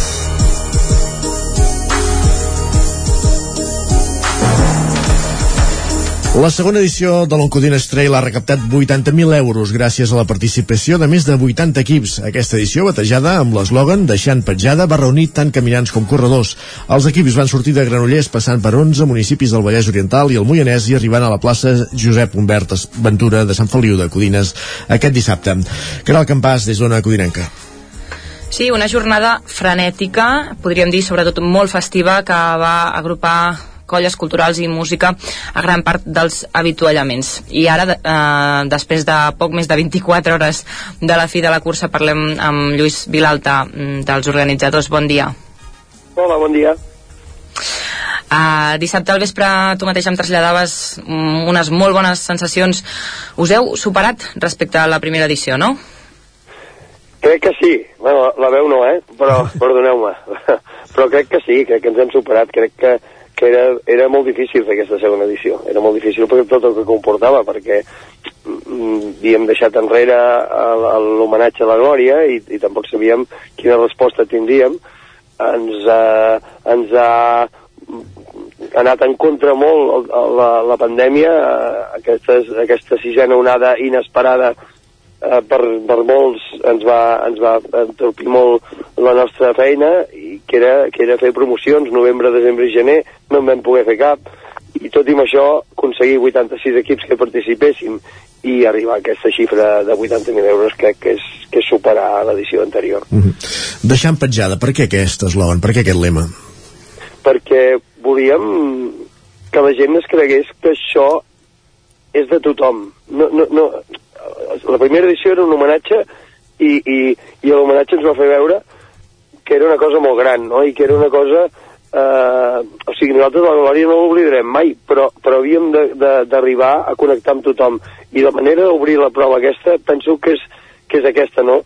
Fer sortir de Granollers, arribar de Sant Feliu, que evidentment Sant Feliu sí que sempre és el poble de la Glòria, és el nostre poble on nosaltres, on nosaltres els organitzadors, som tots d'allà. Llavors aquest, aquest circuit de, eh, passant per tots els municipis era molt difícil de fer mm, era, era, era difícil de dibuixar i el vam aconseguir dibuixar i crec que el recorregut ha quedat molt maco.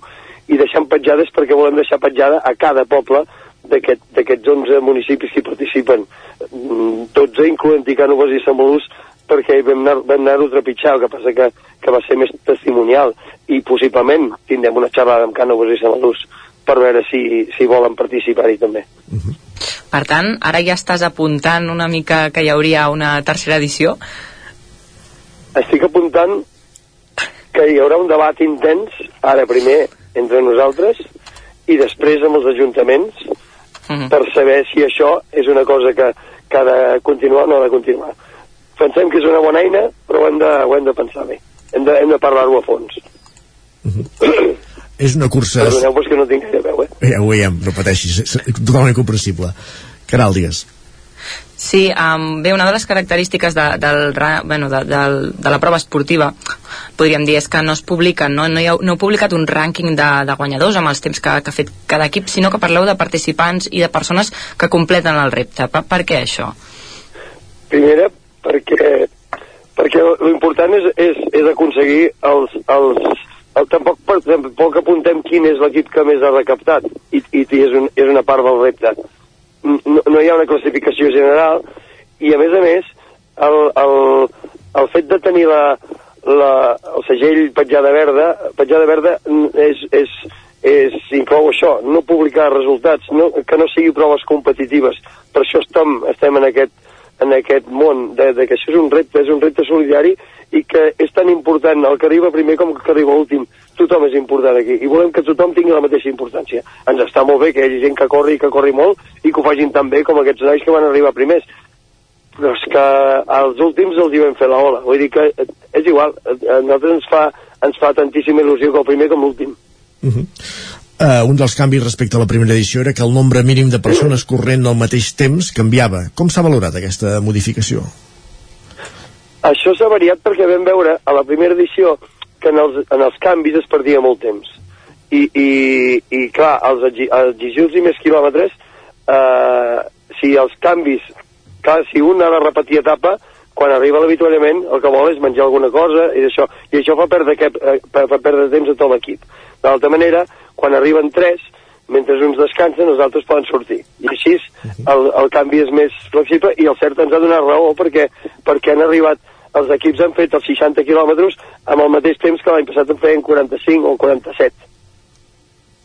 Um, un altre dels canvis que, que heu incorporat és que el recorregut pas, ha passat de ser circular a, a lineal per, per trepitjar menys asfalt. També uh, volíem preguntar, no sé com s'ha valorat a nivell general.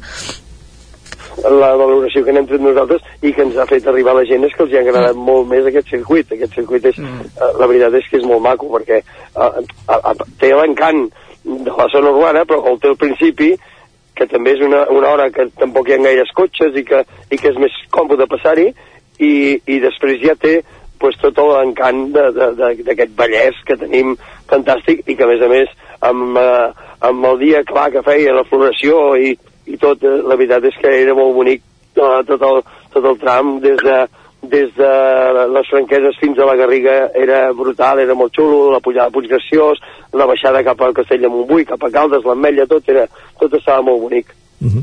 Aquesta, en aquesta edició també incorporàveu el briefing, que si no tinc mal entès es, ve, es feia el dia abans, el dia divendres, com va anar aquesta presa, primera presa de contacte, diguéssim, amb els corredors? Bé, vam tenir, vam tenir, va ser dijous, dijous al vespre, vam tenir 100, diria 160 o 170 persones que van, van assistir i normalment als briefings no hi assisteix gaire gent i aquí sí va assistir-hi força gent. Uh, bueno, era més que res per donar una miqueta d'informacions de les coses que es anirien trobant, de, dels consells que els hi donàvem, de, les, de, la, de tot el que hi havia, de seguretat, que n'hi havia moltíssima, de sanitat, que n'hi havia moltíssima, uh, hi havia ambulàncies a tots els trams i això ens va donar molta seguretat a tots. Um, també uh, vo- volíem demanar-te um, um, quina imatge de la jornada et quedes, no? O alguna situació que diguis, mira, uh, em quedo amb això, recordo molt aquest moment. Mira, jo, jo la, per mi, la imatge de la jornada, per mi, eh, és els voluntaris.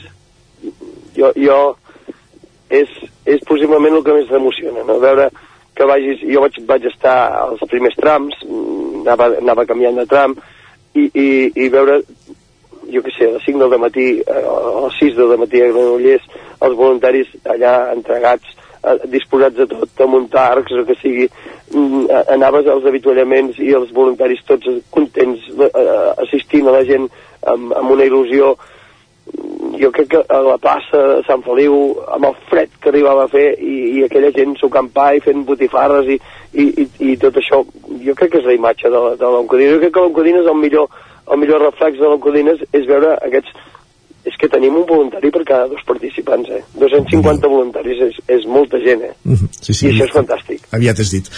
Ara parlant dels voluntaris, abans feies esment que de cara a una possible tercera edició, primer n'havíeu de parlar entre l'organització, però també n'havíeu de parlar amb els ajuntaments i fins i tot obries la porta a parlar amb, amb Cànoes i Samalús, que aquest any hi passàveu molt lleugerament perquè no hi participava.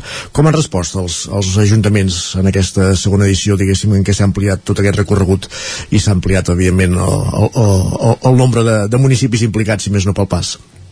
No, ah, la veritat és que han respost tots molt bé, tots, tots, no, o sigui, no hem tingut, primera, cap ajuntament que digués que no hi volia participar, sinó que tots hi han volgut participar, i, i, i segona, en, to, to, tots han estat molt contents, el cert és que hem rebut felicitacions de tots els ajuntaments, i, i, i ja està. El que passa que sí que volem és veure de quina manera li podem donar continuïtat a la prova, ja sigui fent un conveni amb tots els ajuntaments, una cosa així que ens, que ens doni la seguretat o la tranquil·litat de poder fer fins i tot allò de dir, ostres, doncs mira, aquest any farem això, l'any que ve farem allò, per tenir una miqueta lligat tot el tema, perquè és, ara és, és una incògnita i no podem estar d'un any a l'altre esperant si un ajuntament ens dirà que sí o que no, sinó que hauríem de tenir una miqueta clar. Mm -hmm.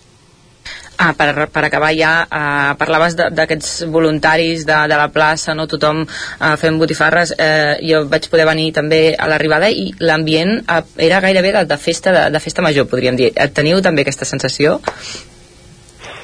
Sí, sí, la veritat és que suposo que també ens toca a tots plegats fer una miqueta de festa perquè, perquè després de tant temps de pandèmia eh, semblava que fos la primera festa després de la pandèmia, no?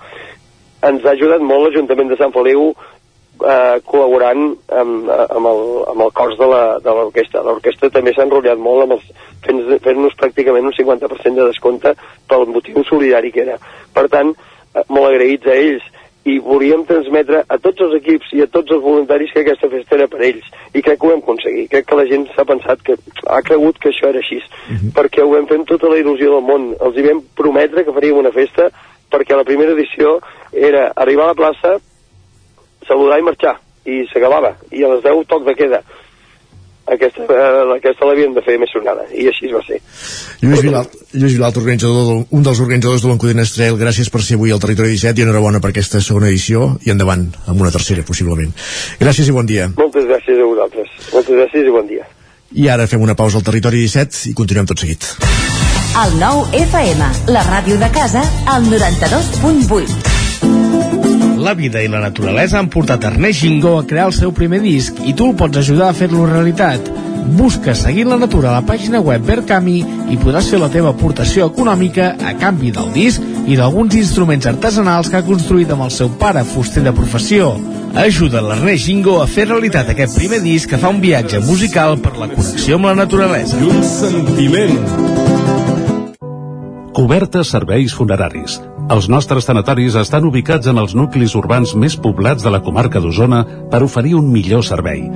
Tanatori de Vic, Tanatori de Manlleu, Tanatori de Centelles i Tanatori de Roda de Ter.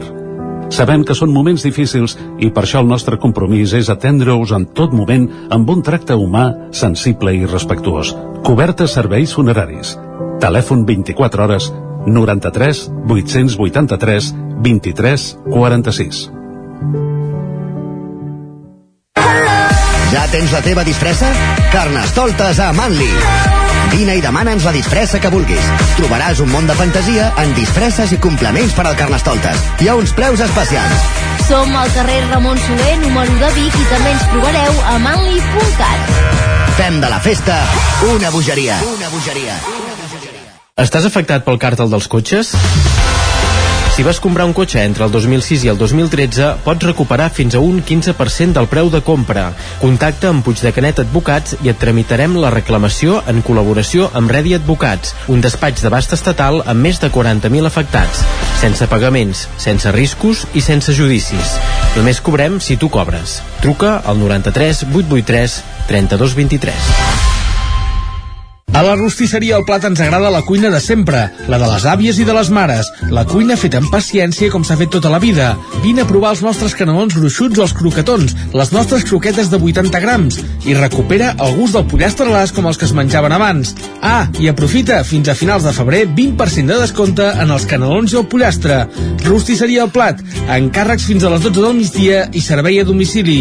Ens trobaràs de dijous a diumenge al carrer Església número 6 de Taradell o al 93 135 58 85. Cocodril Club. Si t'agrada la bona música dels anys 60, 70 i 80, escolta el 9 FM als matins de dissabtes i diumenges d'11 a 1. És el temps del Cocodril Club, tot un clàssic de la ràdio, amb les bases del pop-rock, les llegendes, les cançons que s'han convertit en autèntics himnes. Recorda, dissabtes i diumenges al matí, d'11 a 1, al 9 FM 92.8. Cocodril Club, el programa revival de l'Albert Malla. Hasta luego, cocodrilo. El 9 FM. En punt, dos quarts d'onze al territori 17.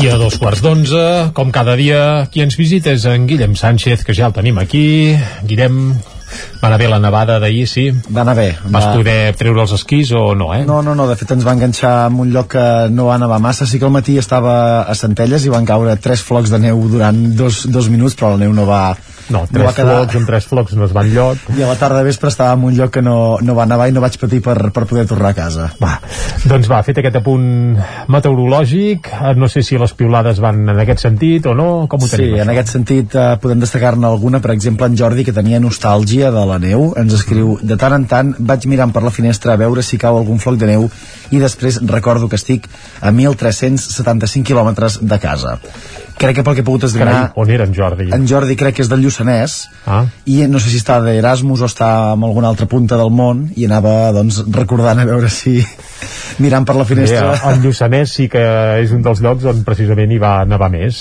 i a la vesprada, sobretot. doncs sí, suposo sí. que devia tenir ganes de poder estar a casa i de viure però per situacions de la vida doncs no, No, no, a podia 1.300 ser-hi. quilòmetres dubto que si arribés algun floc encara que fes molt de vent, però vaja, més I, piulades. I en dies com aquests es poden donar situacions com la que ens relata la Marta, que ens diu tren en direcció a Barcelona, guiris vestits com si anessin a passar el dia a la platja en ple 15 d'agost i persones locals vestides com si estiguéssim a Sibèria. Això és un clàssic. Feia fred eh? Feia fred, saps? Sí, sí, sí, i avui també. Va, i per si algú no s'ha llevat amb gaires ganes, avui l'Ernest en recorda el següent. Ens diu, amb l'esperit de Pedri anem a afrontar el dilluns. Bon dia, Catalunya. Vinga, això, I visca el Barça. bé, I visca el Barça, exacte. La Montserrat té per això un dubte que ha volgut exposar en públic. Ens escriu, si les segones parts mai han estat bones, llavors explica'm en Joan Laporta. Què li respondria Jordi amb això? Aviam, torna'm-ho a preguntar perquè ja m'he perdut, eh? Diu, si les, Perdó, segones, eh? si les segones parts mai han estat bones, llavors explica'm en Joan Laporta. Jo la sé, jo la sé. Home, escolta... És l'excepció que confirma la regla. Oi, que veus, l'Isaac? I l'altre tema, jo em ve al cap alguna pel·lícula que la segona part s'aguanta prou, eh? I deixa'm fer un apunt de la porta que va passar molt desapercebut, però jo ho destaco, i és que amb l'acord aquest Spotify, el primer que farà aquesta gran empresa és tenir una versió en, En català. català. I això... Eh, Ahir- ahir per carai, Twitter no anava ple, eh, del tema. S'ha d'aplaudir, Sí? per- Val, jo Sí, com sí. que el Twitter em queda lluny, però vaja, aplaudim aquesta, aquest apunt perquè això sí que val la pena. I suposo que la pilada de la senyora en qüestió va per aquí també. També dedueixo. podria ser. Ah, doncs ja està bé, clar que sí. I, I en Marc ens destaca una cosa, no sé si us agradaria treballar d'això també. Ens diu, la funció del germà d'en Xavi Hernández de la banqueta del Barça és encaixar abraçades. Bastant guapo, el curro. Doncs mira. Bé, si serveix perquè hi hagi bon rotllo per allà i tot plegat i això es tradueix en bons resultats, doncs, ostres, una Millor feina que millor, no? fantàstica i Penseu tant. que no? a, a la banqueta de, del Barça com a segon entrenador també s'hi ha assegut en el seu moment amb Mourinho, eh? Ja l'ha ja, ja dit. eh? Aquí ho deixo. Ja l'ha dit Bé, l'Isaac. fa uns quants anys, sí, sí, a l'època de... Bé, li feia de traductor de Bobby Robson. Exacte. Sí, sí. Va, aquí, I qui està també a la, a la part alta de la classificació, en aquest cas de primera catalana, és el Tona, que amb dues jornades ha perdut una mica de punts respecte a l'avantatge que, que tenia, però bé, És encara que està... va tan sobrat que ara suposo que s'ha relaxat i acabarà pujant igual, però sí que és cert que aquests dos darrers partits, bé, porta dos partits seguits sense guanyar. Sense guanyar. Que en portava 10 de seguits guanyant i això gairebé sorprèn. Sí. Tot i això, Marc diu que té confiança total en què es pot Home, fer. segur. Diu, ho torno a dir, valorem la situació que tenim, ja que costa molt guanyar un partit. Aquest equip segueix i no es rendeix. Gràcies a tots els que heu vingut a animar. Ho farem i avui n'estic més convençut que ahir. I esperem poder-ho explicar, a veure si és el cap de setmana que ve ja que, que es pugui confirmar. Empatim en extremis amb l'Hort. En parlarem, de fet, amb l'Ester Rovira d'aquí una estona. I sense deixar el futbol, una aportació d'en Xavier que ens diu a les últimes dues jornades amb el Madrid ja campió, li xiularan dos o tres penals en contra. Cas Sanjat i unos días te dan, otros días te quitan i al final todo se equilibra. Qui ho diu, això? Uh, aquest, al final tot s'equilibra seria molt relatiu, eh? En segons, uh, des de segons quina òptica, els equilibris bé tant és. Va, això a la tertúlia esportiva més. Vinga. Ai, ens endinsem en el món de la música, no sé si esteu d'acord amb l'afirmació de l'Aleix que ens diu Suposo que la versió de Benvolgut karaoke del concert del grup Manel a l'Apolo és la confirmació definitiva que és la millor cançó de la història del pop català. Home, no. No? Però, No. home, me'n venen al cap moltes més, eh? Manel té molt bones cançons, benvolgut més una, i van rebentar la sala Apolo fa quatre dies, i va ser, suposo que fantàstic. Per cert, Però, però... Per cert, que em va fer gràcia perquè per xarxes també corre, corria el setlist del concert de Manel al Polo i vaig pensar que, tenint en compte que els darrers discos no els he seguit massa, encara hi disfrutaríem un concert de Manel perquè pràcticament tots els títols els coneixia. Vull dir que, que recuperen bastant les cançons del principi, per entendre'ns. Bé, és que és, és lleig dir-ho, però no, no és pas que els seus discos últims doncs, siguin dolents, perquè No, no, tampoc seria això, però, escolta, l'àncora la tenen amb aquells professors europeus i també amb una bona armadura, etc. Sí, sí. Però vaja, I una de les persones que van al concert ens diu 10 segons de la primera cançó del concert de Manel i ja es va girar un noi a dir-me no cridaràs tot el concert així, no?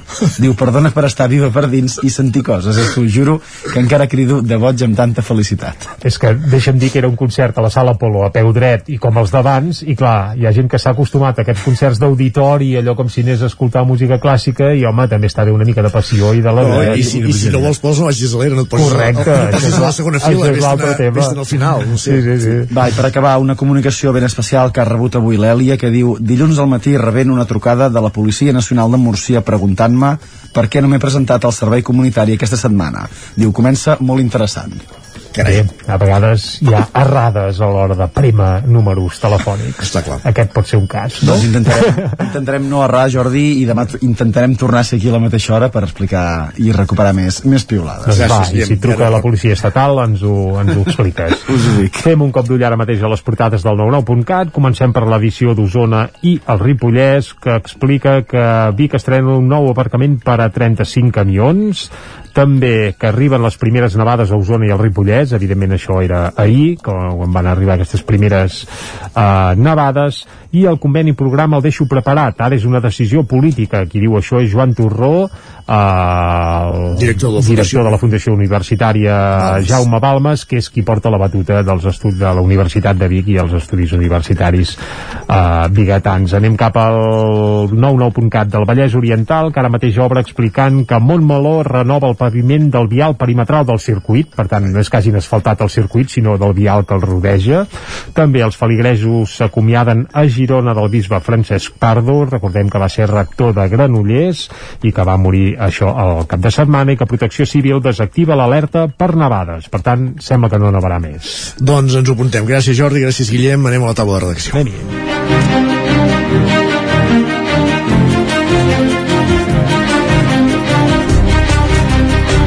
Taula de redacció avui en companyia de Guillem Freixa i de l'Isaac Muntades.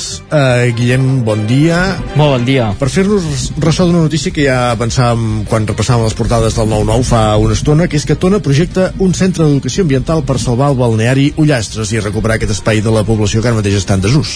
Doncs uh, sí, patrimoni i medi ambient. Aquesta seria la recepta que ha pensat Tona per recuperar aquest edifici emblemàtic del municipi, com és el balneari Ullastres. De fet, el primer balneari públic es va construir a la població, això va ser a finals del segle XIX, el 1876, i què passa? Quin és l'escenari? Doncs l'escenari és que aquest balneari va deixar de tenir ús a principi dels anys 80, l'edifici s'ha anat degradant, ha anat eh, doncs, caient en estat ruïnós, ara ja fins i tot s'ha esfondrat una part de la taulada, i l'equip de govern de Tona es va posar com a repte en aquest mandat recuperar aquest edifici que està en un emplaçament també molt bonic, com és un parc que porta el mateix nom, el Parc Ullastres, doncs es van posar com a repte recuperar, eh, evitar que caigui aquest eh, edifici del balneari Ullastres. Què es van trobar? Es van trobar que van començar a buscar finançament per fer aquesta rehabilitació, per consolidar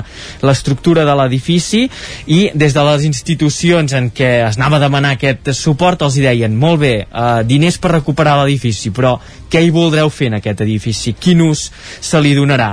I aquí és on eh, es va agafar una altra idea que també eh, apareix en el, en el PAM, en el Pla d'Actuació de Mandat, que era la creació d'una aula ambiental per eh, doncs, fer divulgació, difusió, eh, aportar coneixement en diversos àmbits d'aquesta educació ambiental, com, pots, com pot ser des del patrimoni eh, natural, el patrimoni també social de Tona, amb, amb les entitats eh, com a bandera, i eh, l'estudi o la recerca eh, en àrees com és els eh, residus, el tractament de residus o les energies. Per tant, aquests, aquestes dues temàtiques que serien eh, les que es podrien tractar en aquest eh, centre d'educació ambiental que s'està eh, dissenyant per al balneari Ullastres. De fet, ja hi ha un document d'una setantena de planes on es defineix eh, què és el que es vol fer en aquest edifici, quin ha de ser el procés per anar-lo eh, confeccionant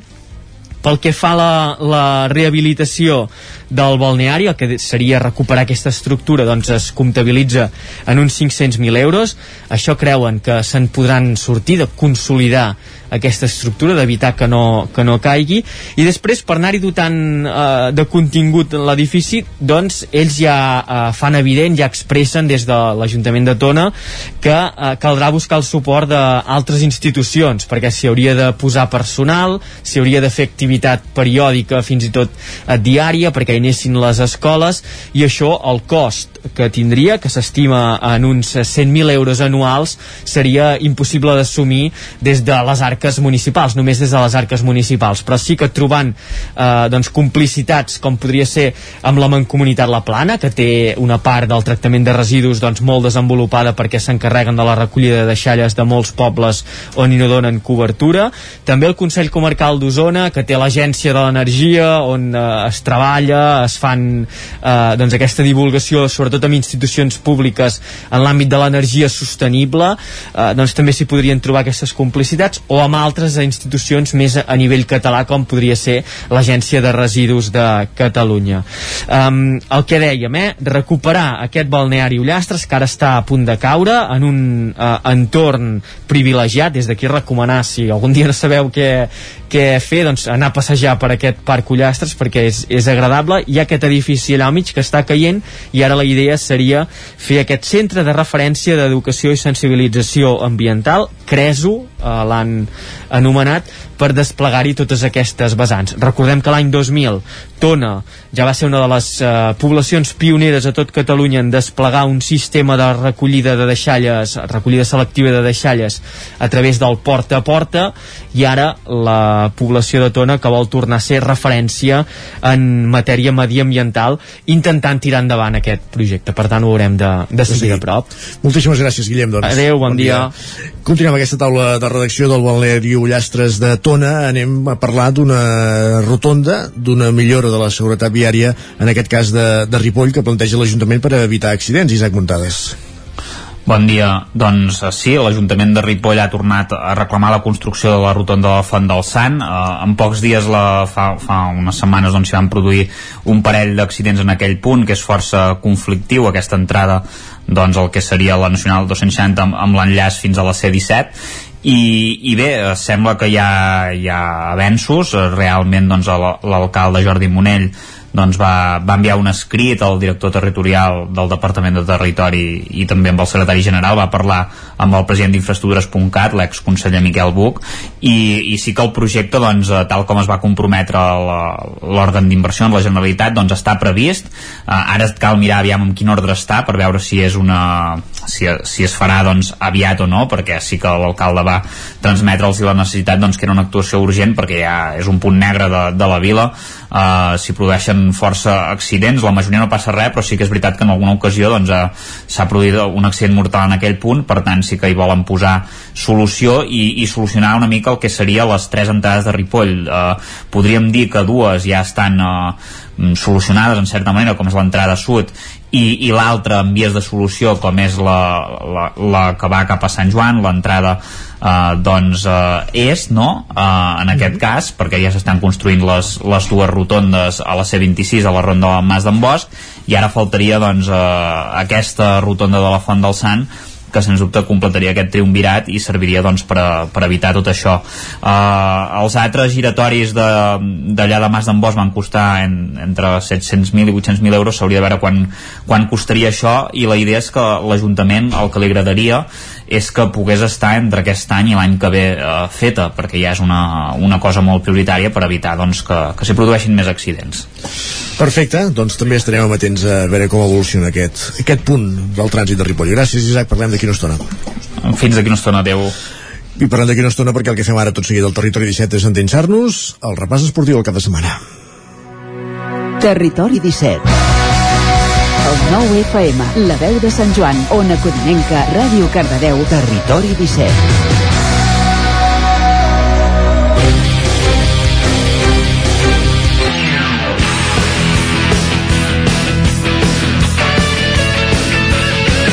Tres quarts d'onze en punt, clavats ara mateix al territori 17 i com dèiem, moment de recórrer les emissores del territori 17 per conèixer com ha anat el cap de setmana esportivament parlant pels esportistes, pels equips de les nostres comarques. Un recorregut que un dilluns més el comencem als estudis de Ràdio Televisió Cardedeu, allà hi tenim l'Òscar Muñoz, aquí ja saludem, bon dia Òscar. Bon dia. Explica'ns doncs com ha anat no tot aquest... Bé, eh? No, ha anat massa bé? Va. No, no ha anat massa bé, vaja. comencem el...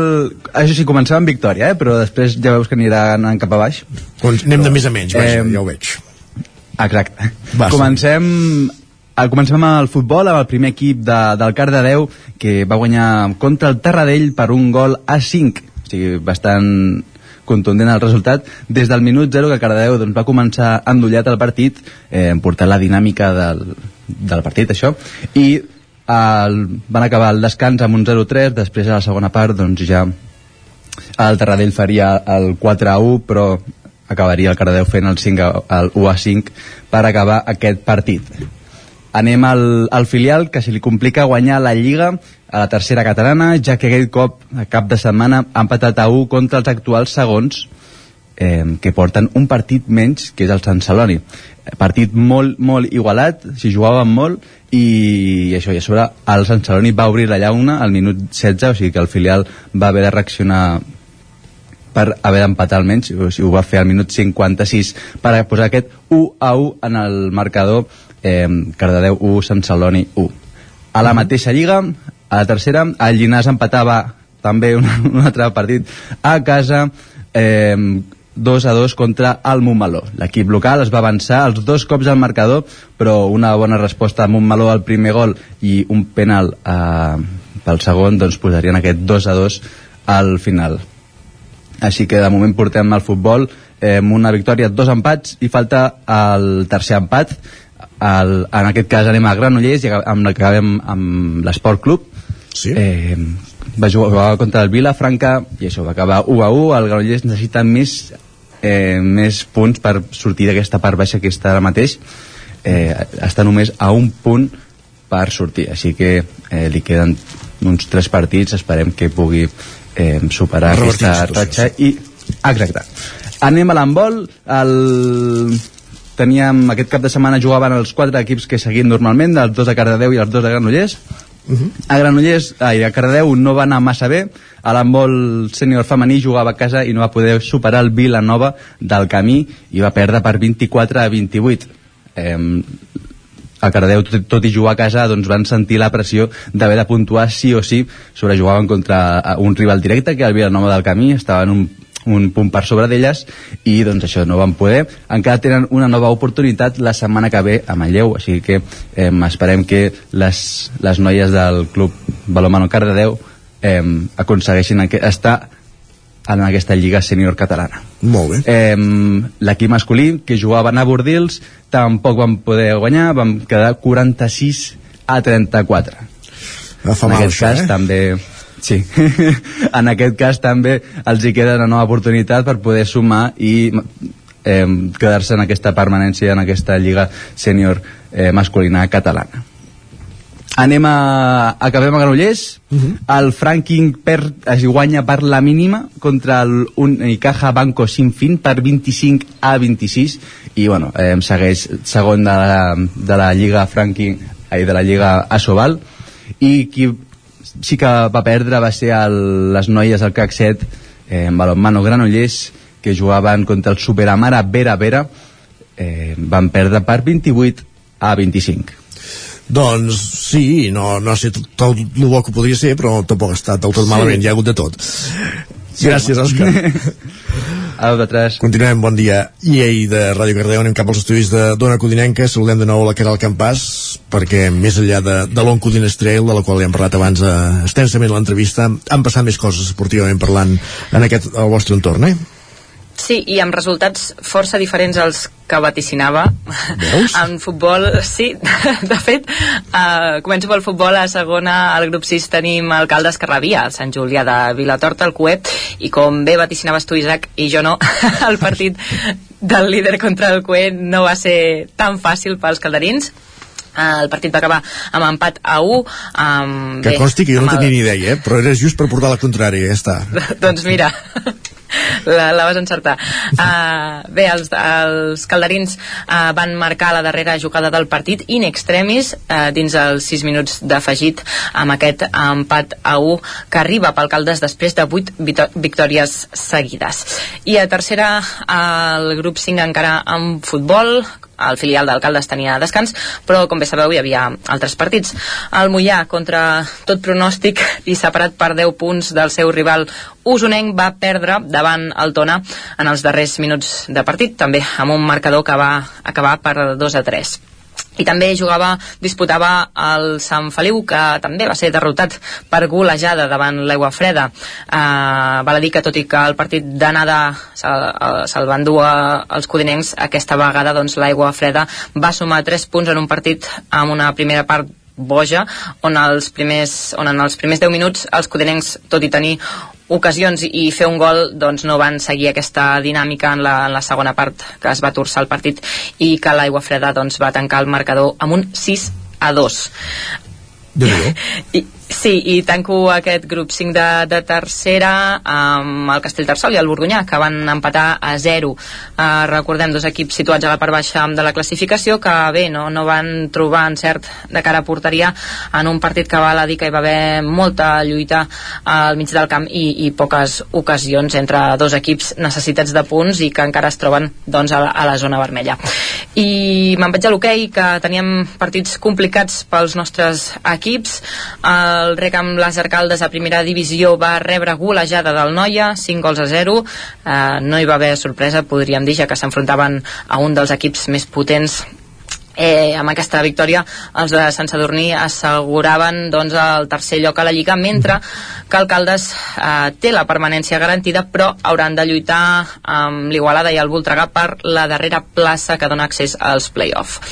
I també a primera però en hoquei femení les noies del Vigas disputaven contra el Vilassana el líder en un partit que va acabar amb derrota com podíem esperar de les del Vallès Oriental per 1 a 2 però val a dir que el Vigas ho va lluitar i, i va, donar, va donar força a la talla.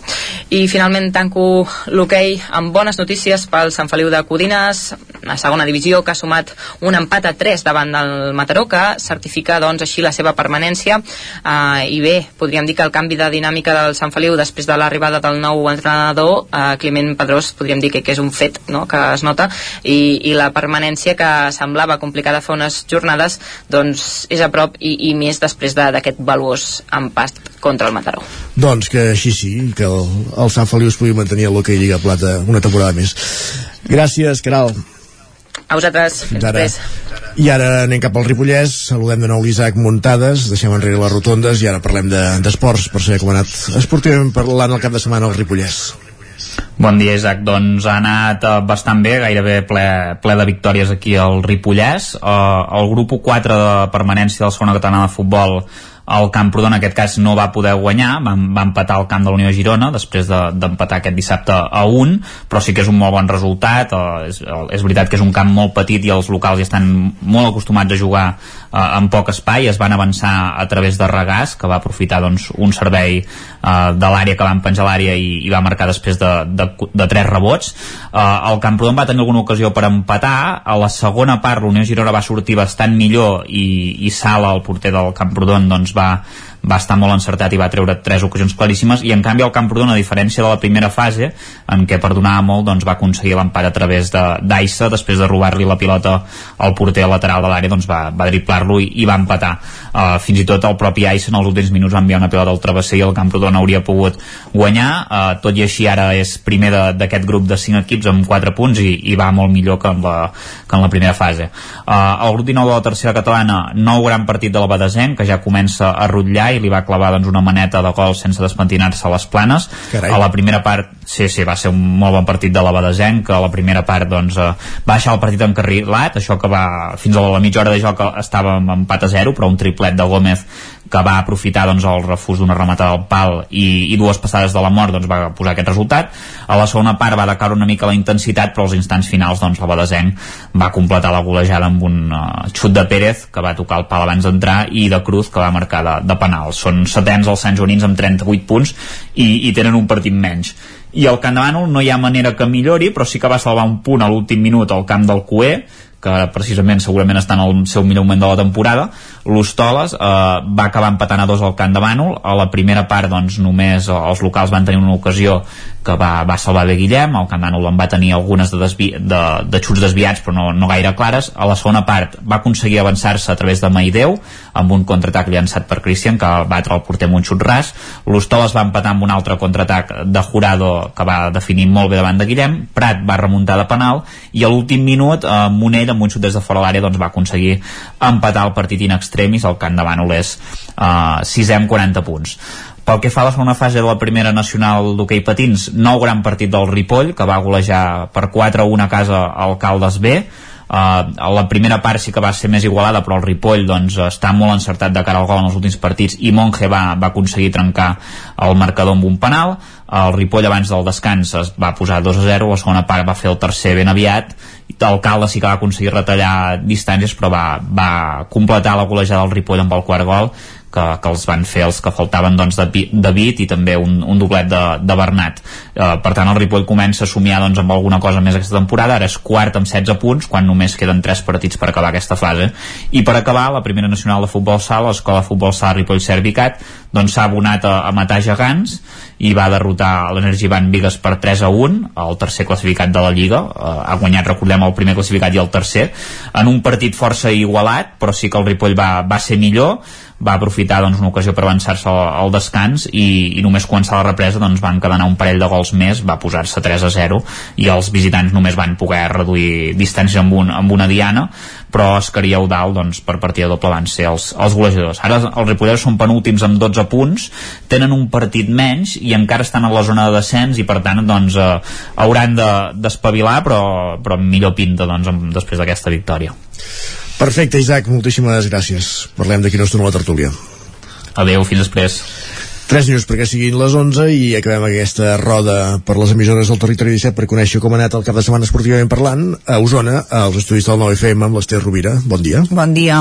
Cap de setmana marcat per aquest derbi Manlleu-Vic que, que tenia tots els elements, diguéssim, d'interès, un clàssic històric i això sí, un marcador, marcador ajustat. Sí, uh, es va decidir per un únic gol de, de Marc Roquet al final de la, de la primera part i, i bé, uh, això va ser decisiu perquè el Manlleu s'acabés emportant un partit que, com deies, uh, és el clàssic no? de, del futbol a, a Osona històricament uh, i sí que en els últims anys doncs, hi ha entrat en joc el, el Tona, però, però bé, aquest partit continua aixecant passions uh, com ho havia fet uh, en categories també superiors uh, quan, quan els dos equips hi havien coincidit i ahir doncs novament un camp uh, ple uh, a Bassal municipal de, de Manlleu per veure aquest partit um, que per sort es van escapar de la nevada perquè no va començar a fer-ho fins cap al, fins cap al final, per tant a diferència del dia amb el Tona que va, que va ploure tot el partit, aquest almenys van poder, van poder passar una estona de, de bon temps. I, i bé um, un, un duel que, que bàsicament tenia en joc les opcions dels dos equips de, de poder acabar en la segona posició que doncs a, a final de, de temporada i en funció dels descensos compensats podria també donar accés a, a un ascens a, a tercera divisió. Per tant um, tota, doncs, tots els al·licients per als dos uh, conjunts i això el que fa doncs, és afavorir el, el Manlleu de cara a, mantenir-se i consolidar-se en, aquesta, en aquesta segona posició del grup 2 de, de la primera catalana de futbol. Això sí, escurçant distàncies amb el liderat perquè aquesta victòria ha anat uh, acompanyada o combinada de l'empat in extremis de, del Tona i ara mateix eh, doncs quan queden tres jornades de competició eh, hi ha cinc punts entre, entre els dos conjunts al capdavant de la classificació. Per tant una temporada eh, interessant, emocionant sí, sí. amb què cada setmana eh, doncs, passen coses noves. passen, sí, una setmana sembla que no que ja es dona tot per fet, la següent s'ajusten les coses. Sí que és veritat que, que el Tona té tot de cara igualment eh, per, per aconseguir doncs, eh, aquest títol i l'ascens. Però bé, si més no, doncs va posant va posant-hi emoció. Uh, un empat, com dèiem, això uh, a les acaballes del partit uh, que tenia dissabte a casa contra l'Horta uh, uh, doncs uh, a un gol. Um, primer va marcar el visitant Bufill i Feixes va acabar uh, rematant de cap una falta lateral al minut 92 que suposava el gol de l'empat, per tant emoció i nervis fins al final en aquest uh, partit que malgrat el, el marcador doncs, va, ser, va ser un bon partit i com dèiem doncs, uh, d'aquesta manera s'haurà d'esperar una jornada més per veure si el Tona pot celebrar aquest ascens a la, a la tercera divisió.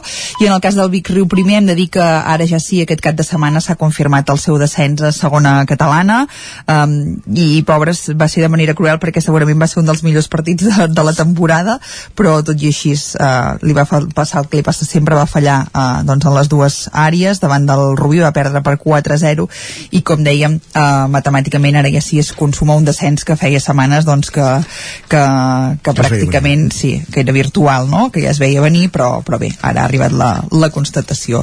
Això pel que fa a la primera catalana de, de futbol, en el cas de, de l'hoquei, dir que també la hoquei Lliga va arribar al final de la fase regular amb, amb molt en joc i també molt interès perquè eh, doncs els dos conjunts usonencs aquesta temporada han tingut eh, problemes per, per puntuar i això ha fet doncs, que en aquest tram final eh, tots dos es juguin la, la salvació. Qui ho té més de cara és el Voltregà que va aconseguir resistir aquest eh, dissabte en un partit que era clau contra el Palafrugell que és un dels equips eh, doncs, rivals directes de la part baixa de la classificació i va vèncer per 4 eh, a 3 de manera que ara ja sí comença a mirar amb una a la, a la classificació. Dèiem això, eh, que queden eh, dues jornades. El Voltregà és 9 amb 24, amb 24 punts i per darrere seu amb 20, és a dir 4 menys el Girona marca ara mateix les places de, de play-out que haurien de fer per la permanència, mentre que el Manlleu és el primer que baixaria directe amb, amb 17.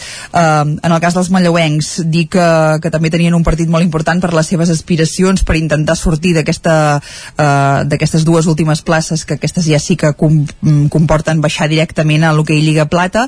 Um, rebien a casa l'Alcoi, un equip que, doncs, que ha estat una mica la revelació d'aquesta temporada, després de tornar a l'hoquei Lliga, molt, sí. molt bons uh, eh, resultats guanyant contra, contra equips de, de dalt que és setè a la, a la classificació i per tant doncs, eh, ja classificat per, per disputar el, el playoff per al, per al títol. Eh, i el Manlleu que va fer doncs, un gran partit va disposar de moltíssimes ocasions segurament dels dies que més vegades va arribar a porteria però el porter eh, visitant Marc Grau eh, es va encarregar de fer un repertori d'aturades eh, fent doncs, que, que els manlleuencs tinguessin moltes dificultats per marcar. Sí que ho van acabar fent eh, però, però també l'Alcoi és un conjunt molt més experimentat amb jugadors determinants com és el cas d'un dels màxims golejadors de l'Hockey Lliga, Ferran Formatger que va fer les quatre dianes de l'Alcoi i va acabar guanyant per, per 2 a, a 4 aquest, aquest partit. En el cas de... sí, eh, l'esport és així de cruel, eh, a vegades. Sí, sí, està clar. Al final del partit Biel Pujades deia que per exemple el dia del, del Reus eh, les havien marcat fins i tot eh, algunes de les ocasions que havien tingut amb el cul deia i en canvi dissabte no hi va haver manera que, que, que n'entrés cap no? és així, l'esport a vegades. no amb res. En el cas de l'hoquei Lliga Femenina el Manlleu dir que va recuperar sensacions aquest uh, final de, de setmana amb un doble partit que tenia contra el Sant Cugat i contra l'Igualada Femenina. Els dos casos es va imposar per golejada dijous per al vespre per 6 a 0 dissabte a la tarda per 5 a 2 i això li ha permès tornar a la segona posició de, de l'hoquei Lliga Femenina. Per tant ben encarat de cara a disputar el playoff per al, per al títol de cara als encreuaments. I en el cas del Voltregà eh, no va poder amb el, amb el Palau va perdre per 7 a 1 en un dels desplaçaments complicats de la temporada i més per un equip que eh, a banda d'estar-se de, renovant i de donar eh, doncs, eh, oportunitats a joves jugadores de la, caixa, de la casa continua amb la baixa eh, de la portera Ushue Otegui per tant eh, era una, doncs, un repte complicat i les eh, de Sant Hipòlit que són desenes ara mateix a la classificació amb, amb 17 punts. En el cas de l'hoquei Lliga Plata dir que aquest cap de setmana hi havia el segon derbi de, del curs entre el Taradell i el Club Patí Vic un enfrontament que va acabar amb un 4 a, a 3 i que hem de dir que es va doncs, decidir per als locals que van ser superiors la, la major part de, del temps i que d'aquesta manera doncs, continuen ben posicionats a la, a la part alta de la classificació. Són tercers amb 40 punts 3 menys que el Sant Cugat que és el líder i empatats amb el Vilafranca que és el, el segon classificat mentre que el Pativic que ja té els deures fets aquesta, aquesta temporada és uh, novè amb, amb 20 uh, i un parell o tres de, de punts menys per acabar. En el cas del bàsquet Vic, el Club Bàsquet Vic Universitat de Vic va acabar aquest cap de setmana la temporada a la Lliga EVA va ser amb una derrota a casa contra el Mataró després de forçar la, la pròrroga i per un ajustat 84 a 86 um, dir que la temporada s'ha de donar per bona que van en sisena posició uh, amb un equip que també ha intentat doncs, donar moltes oportunitats a jugadors de, de la casa i que no es marcava cap altre objectiu que, doncs, que, anar, que anar formant un, un equip nou uh i eh, també eh, aquest cap de setmana es disputava a Sant, als hostalets de, de Balanyà eh, una de les curses destacades de, de muntanya de la comarca com és el, el Roc Gros eh, amb més de 500 participants i on es van imposar Miquel Corbera i Bet Figueres en la cursa eh, llarga i Cesco Comte i Neus Guinovart en la, en la curta. Eh, bon ambient eh, eh, doncs en, en aquesta cursa que a més a més celebrava les seves 10 edicions. I també dir això ja fora de la comarca però amb bons resultats de, de les patinadores d'Osona que aquest cap de setmana es disputava el Campionat de Catalunya de, de shows de patinatge i el grup petit de, del CPA Tona es va proclamar campió de, de Catalunya eh, mentre que el gran va ser quart i també va fregar el podi el Manlleu en quartets eh, sènior que també va ocupar la, la quarta posició. Eh, per tant eh, bon cap de setmana de, del patinatge català també de, de l'Osonenc i ara doncs eh, tots ells que, que aniran a, al campionat campionat d'Espanya de, intentar doncs, continuar fent eh, doncs, bons eh, registres amb les peces, amb les coreografies d'aquesta temporada. Perfecte, moltíssimes gràcies. Que vagi bé. Bon cap, bon cap de setmana, bon dilluns. Setmana. Bona setmana. I ara el que fem al Territori 17 és actualitzar-nos, perquè passen 6 minuts del punt de les 11.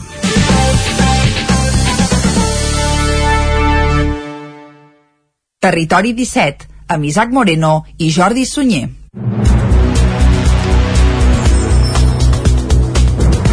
Moment de posar-nos al dia al territori 17 i us expliquem a aquesta hora que els centres educatius del Vallès Oriental acullen ja una seixantena d'estudiants ucraïnesos refugiats. La majoria estan en centres d'educació infantil i primària. Núria Lázaro, des de Ràdio Televisió Cardedeu. Una seixantena d'alumnes ucraïnesos ja estan escolaritzats en centres del Vallès Oriental segons dades del Departament d'Educació de la Generalitat. La majoria, un total de 51, estan estudiant a les línies d'infantil i primària. De la resta, 11 estudien ESO i un està cursant el batxillerat. El departament ha establert un protocol per garantir l'escolarització i la cobertura del servei de menjador de tots els infants i joves que arribin de la guerra d'Ucraïna, han explicat fonts dels serveis territorials d'educació al Maresme i al Vallès Oriental. També treballa per afavorir el reagrupament familiar en la mesura que sigui possible i per no separar els germans. S'intentarà que aquests infants vagin als centres més propers als seus domicilis. La distribució dels alumnes als diferents centres la faran les oficines municipals d'escolarització. Un cop assignades les places als més petits, seran acollits amb suport personalitzat i els més grans seran atesos a través d'aules d'acollida. A més, es valora la possibilitat d'incorporar professionals com ara treballadors socials com a reforç per al personal docent. Tres periodistes parlen de com han viscut la guerra d'Ucraïna en el marc de l'acte Caminem Junts per Ucraïna organitzat per l'Escola Pia de Caldes de Montbui. La conferència va anar a càrrec de Lluís Caelles, periodista de TV3, Gemma Permanyer, de BOTV i directora d'Ona Codinenca, i Núria Vila, del diari Ara. Que Ona Codinenca, que era el campàs. A Lluís Caelles, periodista de TV3, la primera notícia que va tenir de l'inici de la guerra li va arribar en forma de trucada a les 5 de la matinada. D'aquesta manera l'informaven de la invasió russa mentre ell ja era a Kiev en un hotel, un hotel a tocar de la plaça Maidan. Sentim Lluís Caelles a vegades tu estàs narrant una guerra i els dies són, tenen un punt de rutinari no estàs sota les bombes explicant res però és cert que, ha, que la gent que van explicant guerres pel món es van trobant a vegades a diferents conflictes, s'estableix una mena de camaraderia i, i hi ha com una mena de, de sensació de, de viure amb molta intensitat que et pot enganxar jo mm, reconec que et pot enganxar aquesta sen, eh, sensació aquesta si no tens d'altres eh, d'altres eh, àncores molt, molt fortes a, a la vida no? però jo desmitificaria periodisme de guerra. En definitiva explicar una guerra és com explicar-ho tot. És eh, ser rigorós, intentar preguntar, repreguntar indagar amb el que puguis atribuir quan no pots que són els principis del periodisme de sempre. A Permanyer va arribar a la frontera entre Polònia i Ucraïna el dia 8 de març quan feia 12 dies de l'inici del conflicte acompanyant una delegació del Fons Català de Cooperació. Gemma Permanyer aleshores en el fons acaba sent el mateix dia a dia que aquí però aplicat allà que és posar aquesta mirada més de proximitat, més de distància curta per poder explicar tan bonament com sàpigues a què està passant des de l'escala més petita. Núria Vila del diari Ara va explicar la guerra des de la redacció i parlava de la importància de la rigorositat i la responsabilitat periodística a l'hora de formar l'opinió pública. Tu estàs també en una situació molt més molt més confortable. Tu no estàs en un lloc on corris perill, um, on, on, on potser estàs al mig del carrer, on no tens connexió a internet, és a dir, és, és clarament és, és molt més fàcil, és molt més còmode i, i a més a més et permet tenir um, la mirada més, més àmplia que no, que no la persona que, que potser ha d'estar més pendent de, ostres, doncs ara vaig a aquest lloc i haig de, i haig de passar no sé quants controls de seguretat. L'acte d'aquest dijous passat estava organitzat per l'Escola Pia de Caldes en el marc de la setmana Caminem Junts per Ucraïna, programada amb diferents activitats amb l'objectiu de recaptar donatius per ajudar a les víctimes i també conscienciar els alumnes i la societat de la realitat de la guerra. Gràcies, Canal. Passem del Vallès Oriental cap a Osona perquè després de 15 anys d'espera amb diverses generacions d'alumnes fent classe en mòduls prefabricats, Muntanyola va inaugurar divendres la nova escola. L'acte va comptar amb la presència, ni més ni menys que del president de la Generalitat, Pere Aragonès. El passat mes de febrer, la cinquantena d'alumnes del centre ja van poder entrar a les aules i divendres explicaven emocionats en la seva inauguració oficial què suposa per ells deixar enrere els barracons. Escoltem a dos alumnes, en Gil i la Leire. Quan l'escola era en barracons no hi estàvem malament. Bueno, amb algunes, amb algunes goteres quan plovia i els dilluns al matí feia una mica de fred. Ara ens podrem trobar tots a dins de l'edifici. Ens hi sentim més protegits, com si fóssim a casa. La nova escola consta de quatre aules, una per cada cicle, una biblioteca, una sala polivalent i també despatxos. El president de la Generalitat, Pere Aragonès, va aprofitar la inauguració per posar en valor la feina que es fa a les escoles rurals. L'escoltem. Garantir la continuïtat de les escoles a les zones rurals del país i a tots els municipis és importantíssim. La continuïtat d'una escola ens assegura la continuïtat de vida al municipi. És una escola eh, amb aules obertes, protegides pel vidre, evidentment, però obertes a tot l'entorn natural, amb un edifici també que és, des del punt de vista de sostenibilitat, doncs, eh, al màxim d'autosuficient la nova escola de Muntanyola ha culminat les obres després de molts entrebancs, com la pujada dels preus de les primeres matèries que han fet augmentar en 188.000 euros el pressupost inicial del projecte. Les obres van començar al gener de l'any passat, han tingut un pressupost d'1,4 milions, 850.000 dels quals els ha portat el Departament d'Educació. Una altra part s'ha finançat amb una subvenció de la Diputació i la resta l'ha assumit el municipi, el consistori, amb la venda de terrenys municipals. Ho explica Carles Morera, que és l'alcalde de Muntanyola. És un projecte que, que totes les legislatures d'ajuntaments que han anat passant treballaven cap a la mateixa direcció. És una cosa que és importantíssima per Muntanyola. Des de fa aproximadament, aproximadament 15 anys que es van implantar els mòduls ja treballaven cap a aquesta direcció els diferents consistoris que han anat passant i nosaltres hem pogut culminar una feina de, de 15 anys que ens ha costat molt Coincidint, volem dir, amb la inauguració oficial de l'escola, el centre també va estrenar el nou pati i un parc infantil que s'ha situat just on abans hi havia els barracons.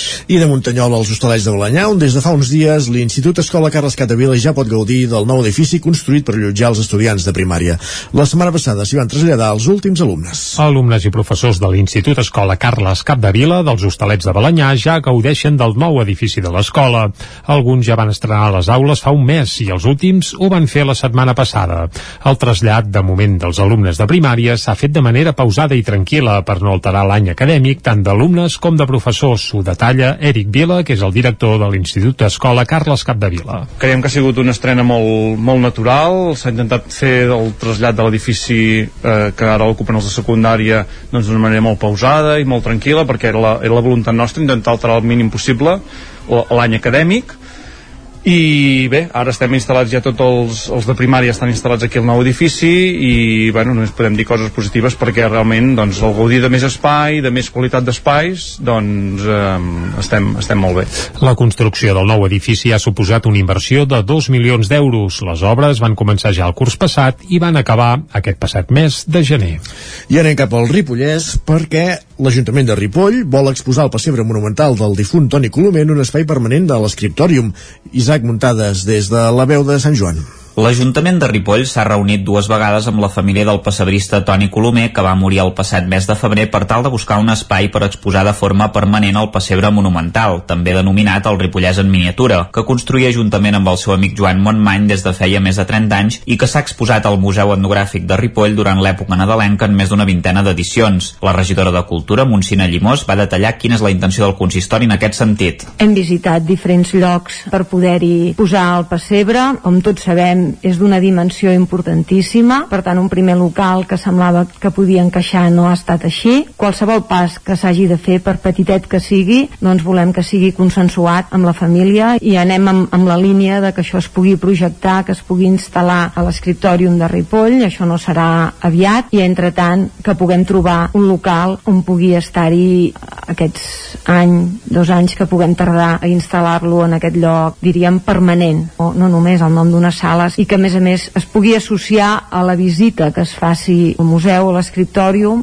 Montmany els està ajudant a buscar una sala que sigui adequada per encabir aquest pessebre de 58 metres quadrats amb edificis singulars del Ripollès com el monestir de Ripoll, el pont vell de Sant Joan de les Abadeses o el monestir de Sant Pere de Camprodon, les 11 fonts de Ripoll i gairebé 600 figures amb 9 caganers i 5 pixaners. De fet, ell és l'encarregat dels mecanismes que donen vida al pessebre. El consistori va valorar la importància de la figura de Colomer i en el darrer ple es va deixar sobre la taula una moció de la regidora no escrita Sílvia Oriols en què a banda d'exposar la seva obra volien que es bategés una sala del Museu Etnogràfic amb el seu nom i que es creés un concurs anual amateur de pessebres en honor seu. La moció es va deixar sobre la taula perquè Llimós la va convèncer dient que tot havia d'estar consensuat amb la família i que li farien arribar les propostes. Passa un minut d'un quart de 12 al territori 17. Acabem aquí aquest repàs informatiu que, que en fèiem en companyia d'Isaac Montada, Jordi Sunyer, Núria Lázaro i Caral Campàs i anem tot seguit cap als solidaris des de Ràdio Vic i amb l'Adrià Oliveres. Territori 17. Envia'ns les teves notes de veu per WhatsApp al 646 079 023. 646 079 023. WhatsApp Territori 17.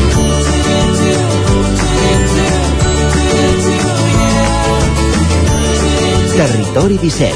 Som a Facebook, Twitter i Instagram amb l'usuari Territori 17.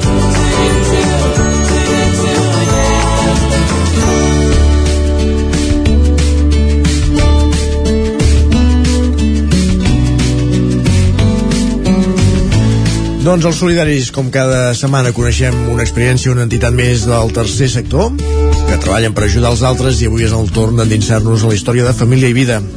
Amb l'Adrià Oliveres, des de Ràdio Vic. Aquesta setmana coneixem a una delegació que està relacionada amb el Bisbat de Vic. I això no significa que si no ets creient no puguis demanar ajuda, sinó tot el contrari, ja que ells han remarcat que ajuden a tothom i es realitzen diferents cursets. El que busca aquesta delegació és ajudar i fer feliç a tota persona que se li apropa. Amb tot això coneixerem els orígens de l'entitat, quin projecte tenen entre mans per aquest any i quins cursets realitzen durant alguns dies saltats de l'any. Així que avui, sense enamorar-nos més, des de Ràdio Vic i a través del Territori 17, parlarem amb la delegació de Família i Vida, concretament amb la Maria Teresa, la delegada del Bisbat de Vic. La delegació de la Família i Vida va néixer fa més de 15 anys amb l'objectiu d'ajudar les famílies. Escoltem a la Maria Teresa, que ens explica els seus orígens. Doncs bé, aquesta delegació va néixer l'any 2005 per iniciativa del senyor bisbe, del bisbe romà, i l'objectiu doncs, és ajudar a les famílies i defensa doncs, de la vida des del moment de la concepció fins a la mort natural i, bueno, i en diferents àmbits on la vida eh, està en risc o no està tractada amb, amb la dignitat que, que es mereix, no? Ja sigui doncs, amb, amb tracte, en abusos, amb, amb guerres, amb tot el que vull defensa de la vida en genèric, no? Hem volgut saber com era el dia a dia dintre la delegació del Bisbat de Vic. I la Maria Teresa així ens ho ha contestat. Bé, nosaltres el, el que és la delegació té una branca que és el Centre d'Orientació Familiar, que hi som uns quants de la delegació més altres persones que també col·laboren, que en aquest centre d'orientació familiar doncs rebem qualsevol persona que vulgui venir per qualsevol problemàtica. Eh, doncs poden venir a vegades eh, crisis de parella, eh, alguna noia embarassada que està sola per rebre una mica d'orientació, um, bueno, conflictes a vegades entre pares i fills, diferents, diferents conflictes. Tothom que vulgui és rebut, el que vulgui venir és, és rebut al COF, al Centre d'Orientació Familiar. Llavors hi ha altres persones que col·laboren externament, com són psicòlegs, mestres, algun abogat, també hi ha un sacerdot que ens acompanya en la delegació i doncs depenent de, del que sigui el tema que toquem, podem orientar cap a un cantó o cap a un altre. També li han demanat per quines activitats fan durant el seu dia a dia o periòdicament. Escoltem, doncs, quin tipus d'activitats organitzen. Bueno, nosaltres, activitats dia a dia no, no tenim activitats, vull dir, són a vegades cites concretes, no? Per exemple, nosaltres sí que ens trobem periòdicament, els, els membres de la delegació i del COF, per parlar de diferents temes i coses que sorgeixen, però el que fem doncs, és preparar els cursets, o sigui, si hi ha una persona, per exemple, que et ve un problema, doncs potser aquella persona l'estàs rebent dos o tres vegades seguides, depenent una mica de, del problema que es tracta. Organitzar, doncs sí, nosaltres juntament amb les altres delegacions de, de tot Catalunya, els altres bisbat, també ens reunim periòdicament i s'organitza, doncs, per exemple, la Setmana de la Família, eh, el, dia de la Setmana del Matrimoni també està organitzat aquest any, eh, ara el 25 de març es va fer doncs, el que és el Dia de la Vida, en defensa de la vida, bueno, doncs organitzem diferents coses relacionades amb, amb la família, amb l'àmbit de, de totes les diòcesis de Catalunya també. Aquest any s'estan preparant amb cursets per realitzar un projecte que rep el nom de Projecte Raquel. La Maria Teresa ens explica de què va. Uh, ara estem treballant en un projecte que ja, ja el teníem pensat de feia, teníem previst d'anar-lo portant a terme i ara finalment l'any passat es va poder fer, que és un que se'n diu, s'anomena projecte Raquel. I ara tot just l'estem, ara les persones que ens dedicarem a aquest projecte estem fent la formació per poder-lo portar a terme aquí al Bisbat. Uh, aquest projecte va adreçat a, a totes les persones que ens han vist diguéssim involucrades o han hagut de passar pel, pel drama de l'avortament. És un, és un projecte que ajuda a les persones que han avortat o que han intervingut a un avortament a poder superar el que eh, mèdicament se'n diu el síndrome post-avortament. És doncs una sèrie de, de símptomes i de, i de bueno, diríem patologies no, que persones que han passat per un avortament manifesten, eh, tant espiritualment com somàticament. Llavors és un projecte que ajuda a superar eh, aquest drama que han hagut de viure. Com de costum, solem preguntar per com els ha anat aquests últims anys degut a la pandèmia i de quina manera han hagut de treballar o com els ha afectat. Bé, mm, gairebé com, com a tot, no? Els primers mesos es va tancar, nosaltres tenim el, el centre d'orientació familiar és aquí a Vic, al carrer Sant Sadurní, número 3, i clar, evidentment vam haver de, de tancar el que eren les visites i, i el rebre gent. A aquests, durant aquests mesos vam atendre algunes coses telefònicament, es havia de quedar amb algú, eh, doncs s'hi anava, però clar, el que ens va afectar va ser que vam haver de suspendre diverses vegades els cursets perquè no ens podíem reunir, no ens podíem reunir doncs, més de, de sis persones i clar, no podíem, podíem fer aquests cursets i, i, i tal com t'he dit abans, doncs que moltes parelles aquests dos anys han posposat el casament. Però sí ja que l'any passat ja en van fer bastants, eh? ja hi va haver gent que va tornar a casar-se i van tornar a demanar eh, els cursets. També li hem demanat si després de 15 anys eren molt coneguts i la gent estava conscienciada amb els projectes i activitats que servien per ajudar a les persones. La Maria Teresa pensa això sobre la consciència de la gent amb la seva delegació.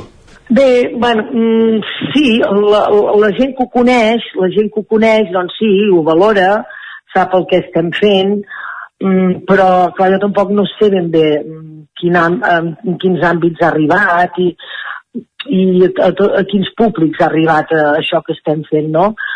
Eh, sí, clar, nosaltres hem, hem, ens hem donat a conèixer amb algun programa doncs, també que ens van entrevistar a Ràdio Vic, hi ha molta gent no, que sap la tasca que estem fent però clar, a vegades també mm, és una percepció que tenim a vegades no, que el fet de, de que sigui una cosa que pertany a l'Església, potser en certes persones els pot limitar una mica o, o com, no, no un rebuig, però sí com no acostar-s'hi tant, saps?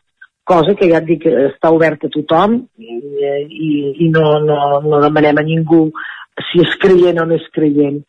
Però sí que a vegades, és clar, nosaltres, eh, eh quan ens definim com a delegació, doncs hi tenim el, a darrere doncs, sabem que és l'Església, el Bisbat de Vic, al final li han preguntat què és el que pot faltar a l'entitat, ja sigui per ser més coneguda, rebre més ajudes o per millorar-la. Escoltem de la mà de la Maria Teresa el que creu que falta a la seva delegació. Bé, en aquests moments, eh, bueno, potser sí que demanaríem doncs, poguéssim tenir més recursos econòmics per poder organitzar doncs, mira, més coses, no? A vegades dius, home, organitzaries una trobada de famílies o, o, o organitzaries fer venir una persona que faci una, una xerrada interessant eh, a nivell doncs, de, de parelles, de matrimonis, i clar, això mm, se, se, se suposa unes despeses, no? També jo penso que també seria molt, ens aniria molt bé eh, a llarg plaç, això ja ho anem treballant, però costa una mica, no?, que, que ja s'incorporessin matrimonis joves a, a, a la delegació, no?, per poder eh, ajudar-nos i poder doncs, anar, anar aprenent el relleu i, i que cada vegada doncs, hi hagués gent jove que es volgués involucrar doncs, en aquesta tasca de, de ser testimonis de, amb altres matrimonis i amb altres parelles, no? En el fons és això, no? I que poguéssim arribar a molta gent, portar aquest missatge de doncs d'amor i aquest, aquest missatge d'aquesta entrega i aquesta evangelització que en el fons és el que nosaltres eh, és, el, és el nostre esperit.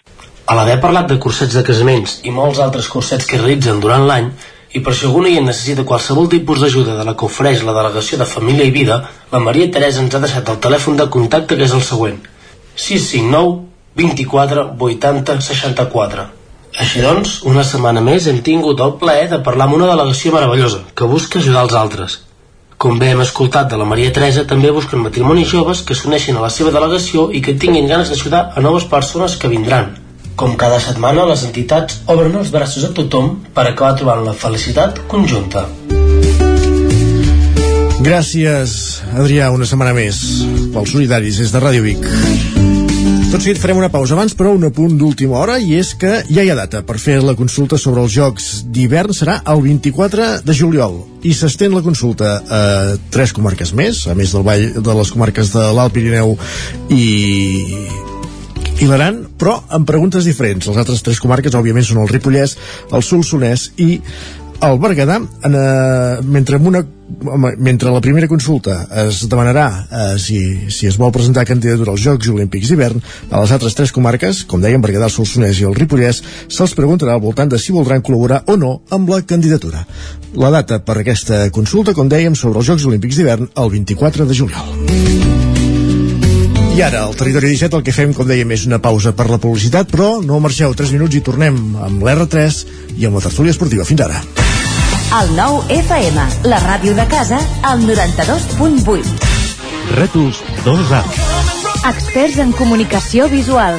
Rètols, banderoles, vinils, impressió, plaques gravades, senyalització, display... Rètols Dos Art. Ja són 25 anys al vostre servei. Ens trobareu a la carretera de Vic a Olot, número 7, al polígon Malloles de Vic. dosartvic.com Telèfon 93 889 2588. La Clínica Dental Sant Fortià hi trobareu un equip professional que treballa de manera coordinada per oferir un tracte sensible i humà. Estem preparats per qualsevol urgència dental i oferim accions preventives per la tercera edat i els infants. El doctor Ramon Garcia, implantòleg de Barcelona, fa 10 anys que visita Torelló. Clínica Dental Sant Fortià. Ens trobareu a la plaça Sant Fortià número 9 de Torelló al 93 859 6408 i al 690 92 51 99. Del 8 al 10 d'abril torna al Mercat del Ram de Vic amb més il·lusió que mai. Hi trobaràs un munt de propostes familiars i professionals, com el primer congrés Vic dedicat a la bioeconomia, els espais terra i cuina i la casa de pagès, o la mostra de productes artesans. Consulta la programació a vicfires.cat o xarxes socials i descarrega't l'app per no perdre't cap novetat.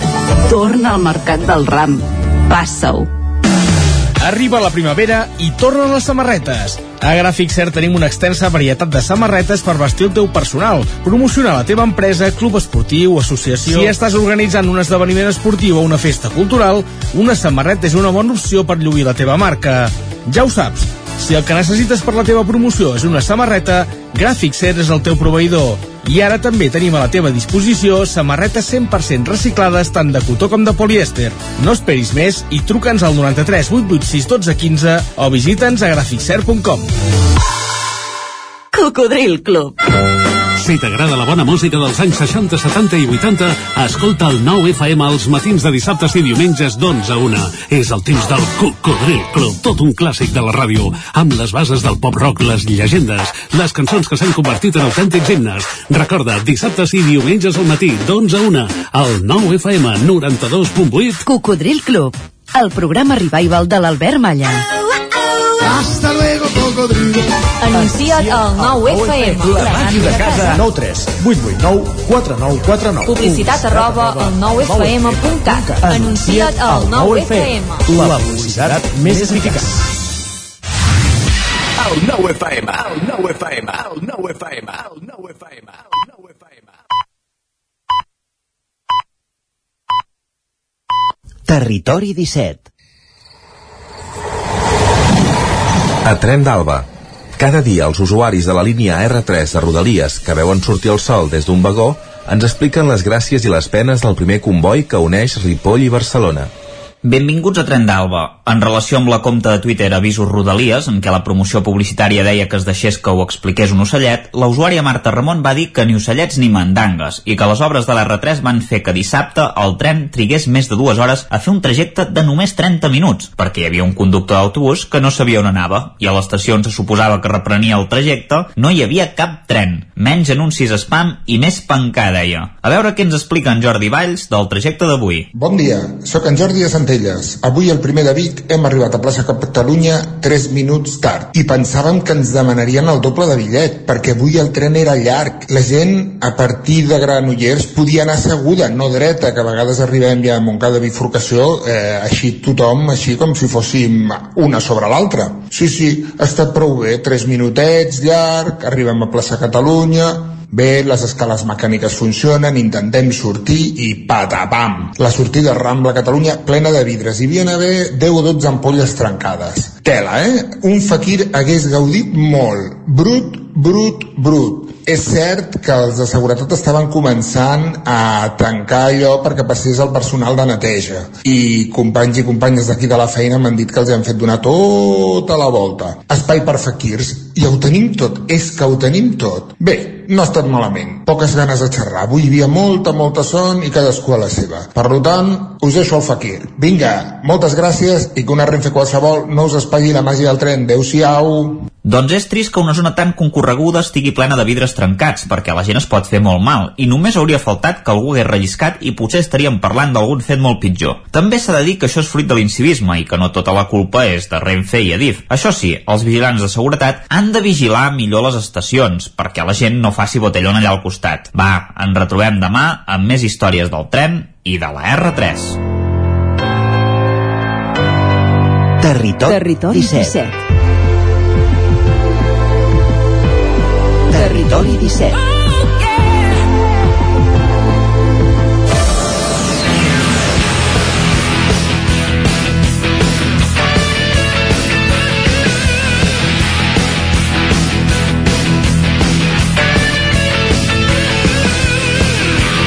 Dos minuts i mig que passen, gairebé tres minuts que passen de dos quarts de dotze. Entrem a la tertúlia esportiva, avui en companyia de Lluís de Planell, Agustí Danés, Isaac Muntades. Benvinguts a tots tres. Bon dia. Hola, bon dia. Bon dia. I amb aquest apunt d'última hora, eh? no té massa a veure amb el futbol, però sí amb els esports, amb la candidatura dels Jocs Olímpics d'hivern. Ja hi ha data per la consulta, el 24 de juliol, i al final sí que hi haurà consulta al Ripollès, també el Solsonès i el Berguedà, però amb una pregunta diferent de la de les comarques de l'Alt Pirineu i l'Aran. És embolicar la troca, eh? Mentre a uns els hi demanen si volen els Jocs Olímpics, els altres els hi demanen si volen participar-hi d'alguna manera. No sé, vostè, Isaac, tu, Isaac, ho has estat visquent de, de primera mà, com ho veus tot plegat? Mm, doncs ara, ara ho he vist, eh, aquesta notícia que és eh, així com deies d'última hora i, i bé, no sé, mira uh, suposo que no saben què inventar-se i, i al final doncs han dit, va, com que estan pressionant tant perquè això, hi ha, hi ha dos branques eh, aquí hi ha una part del govern que no està molt per la labor de que la consulta s'expandeixi en aquestes comarques, aquestes tres comarques que has dit i l'altra que sí, no? que, que, que, que ho volia que seria més la banda pel que sé de Junts per Catalunya i no sé, uh, bueno, una pregunta diferent. No sé si servirà de, de massa de quines tindran compte de consultes se sumaran les dues consultes hauran, hauran d'explicar-nos una mica millor com anirà tot això que està bastant improvisat i, i hores d'ara encara no s'han dit algunes coses de, de com seran els Jocs Olímpics on s'acolliran més o menys les proves però, però poca cosa més se sap. No se sap ni infraestructures si se n'hauran de construir o no. Van dir que no però s'haurà de veure, no sé, molts dubtes això té mala pinta, no? Eh, perquè penso, estic parcialment d'acord amb, amb l'Isaac que hi ha molts dubtes, al final eh, la, la primera pregunta que la, la, o sigui, la prim, no, no pregunta, la primera decisió que s'hauria de, de prendre i que això sí que significa respondre una, una, a una pregunta, podria ser una pregunta autoformulada per part del govern de dir els volem fer aquests jocs o no? Això és el primer llavors si es volen fer els jocs doncs arbitrar diguem les mesures necessàries però el fet de, de voler buscar una mena de consens que a hores d'ara ja es veu que serà molt artificial igual acaba forçant eh, generar una situació que té poca explicació perquè la consulta seria lògic que es fes també en el Ripollès perquè al final els límits administratius no, dir, bueno, la Molina ja és, és no sé, home però això afectarà afectarà o beneficiarà claríssimament el Ripollès. Per tant estaria bé que, que la consulta els veïns del Ripollès poguessin participar-hi. Però llavors per encaixar això haver de formular una pregunta diferent trobo que acabem fent massa difícil el que és una cosa que ja és complexa per si mateixa però que hauríem d'intentar diguem, fer-ho fàcil i respondre, insisteixo, aquesta primera pregunta. Però aquesta és una, és, un, és, un, és una resposta que hauria de ser política dir, es volen fer aquests jocs o no? Això és el primer eh, perquè si encara no hi ha clar això a vegades sembla que es vulgui legitimar o deslegitimar a través de l'opinió de la gent. Diguem, preguntem perquè així tindrem la coartada per dir que sí o per dir que no. Home, primer s'hauria de decidir què es vol fer, que hi hagi una posició clara i en tot cas fer una consulta està bé, però les consultes eh, s'han de fer de la manera que, que s'han de fer perquè si no trobo que és embolicar la troca això. A més pot passar que el Ripollès vulgui col·laborar amb, una, amb uns Jocs Olímpics que la Cerdanya no vol organitzar vull dir que, eh, que com a mínim és curiós això no? Sí, és curiós, ja sé que algú que ens estigui escoltant també pot pensar, bueno, aquests també aquí que parlin del Barça, no? que criticar costa molt poc, sí, però, però això però, però això és que té mala pinta això, no? Sí, sí Aquest, vull dir, jo, jo en principi personalment jo crec que que diguem, organitzar un esdeveniment d'aquest calibre eh, a mi d'entrada em sembla positiu, plantejar-s'ho d'entrada. Llavors hi pot haver sempre pros i contres tal, però, però això ha de ser una decisió política i potser abans de fer aquest, aquest debat públic tu has de tenir una posició clara i no existeix aquesta sí, sí, posició sí. clara i després la consulta una mica de dir, a veure si ens foten un cop de mà poder la consulta és per dir, a veure si ens diuen que no i així podem dir ah, que la sí, culpa per trencar amb l'Aragó, no? Per Agustí, no, perquè clar, també hi ha això sí. de, de les últimes setmanes, no? Que l'Aragó s'ha despenjat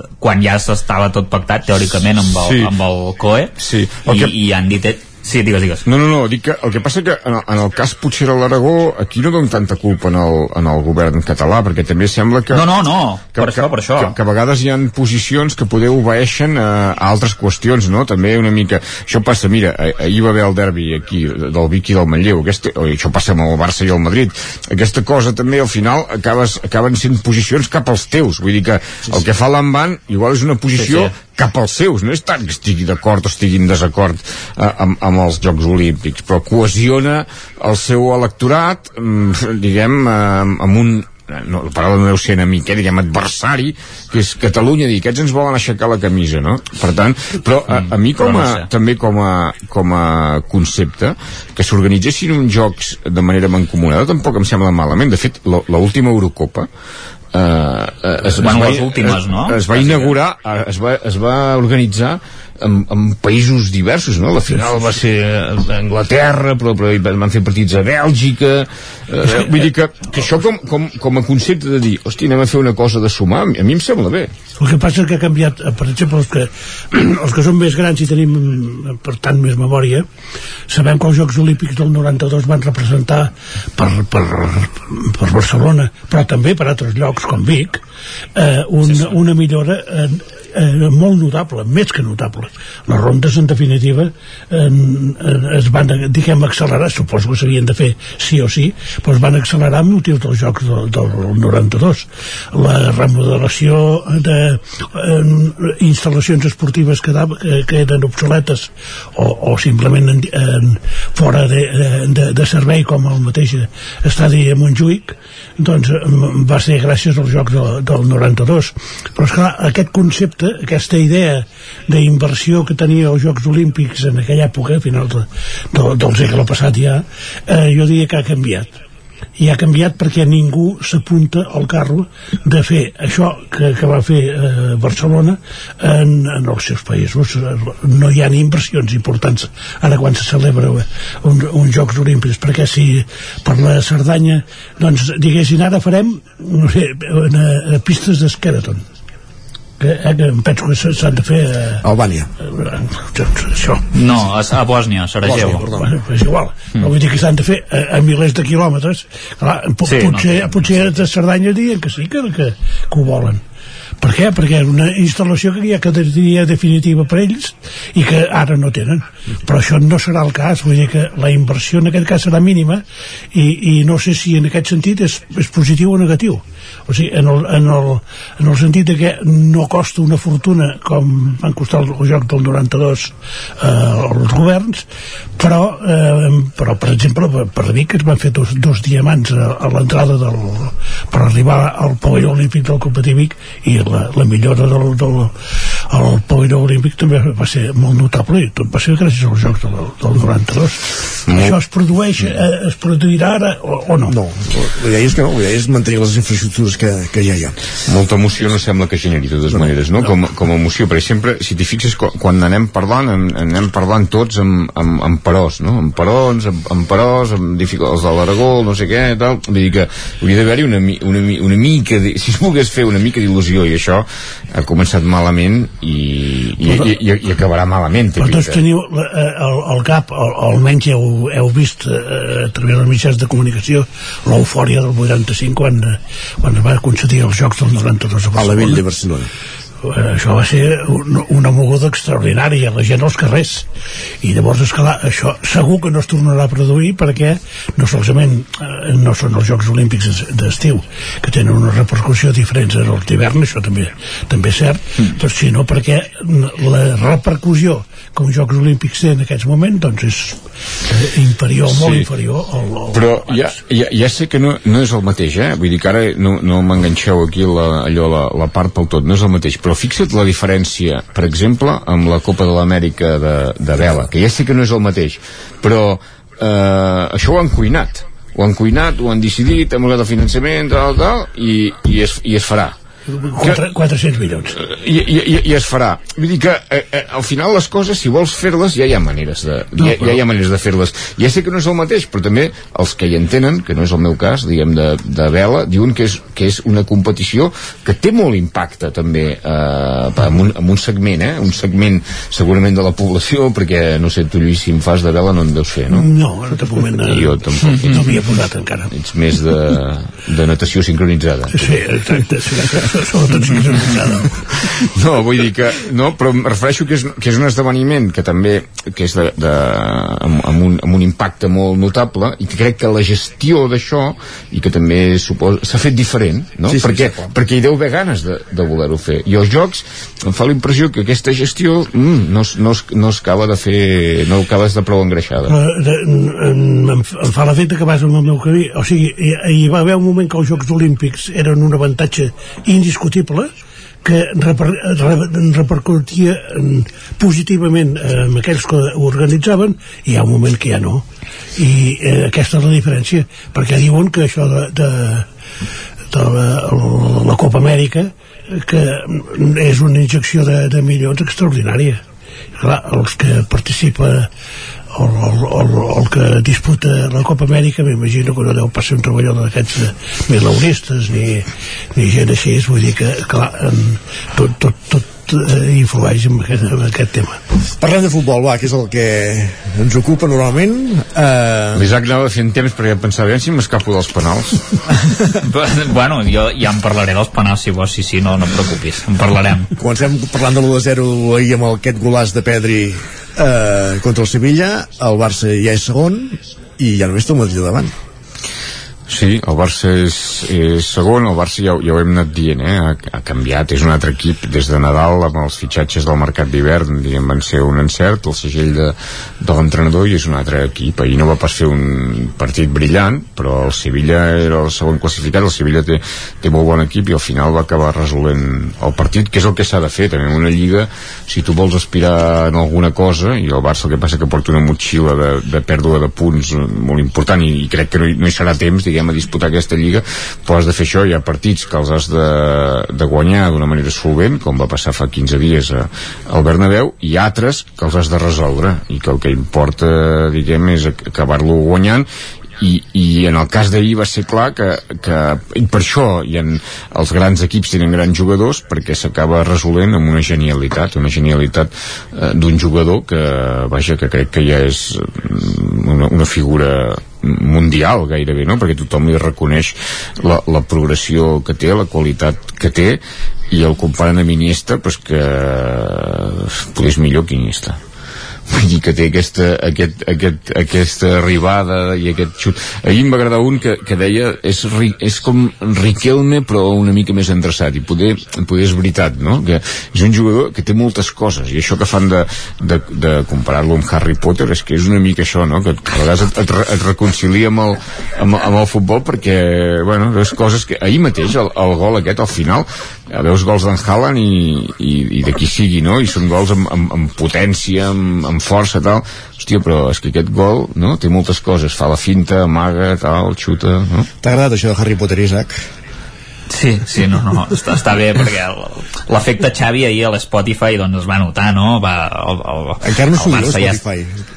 Sí, ja, per mi ja és l'Spotify, que m'agrada molt el nom i a més a més us donaran molts milions i l'Spotify també tindrà l'aplicació en català, vull dir que gran, gran jugada del Barça en aquest sentit, però m'agrada l'efecte Xavi perquè des de que ha vingut a la, a la banqueta del Barça amb 17 jornades eh, estic veient una dada que és bastant interessant que el, el Barça ha sumat 40 punts que està molt bé, de fet ha, ha reduït molta diferència respecte a Sevilla, Atlètic de Madrid, etc etc, però és el Madrid n'ha fet 42 n'ha fet 42, dos més té un partit menys, el Xavi, és veritat però bé, uh, di di diguem-ho clar vull dir que com a molt el Barça retallaria un punt amb l'efecte Xavi vull dir que tranquil·litat que queden encara unes jornades de Lliga Però què vol dir que retallaria, que retallaria un punt? Què vol dir?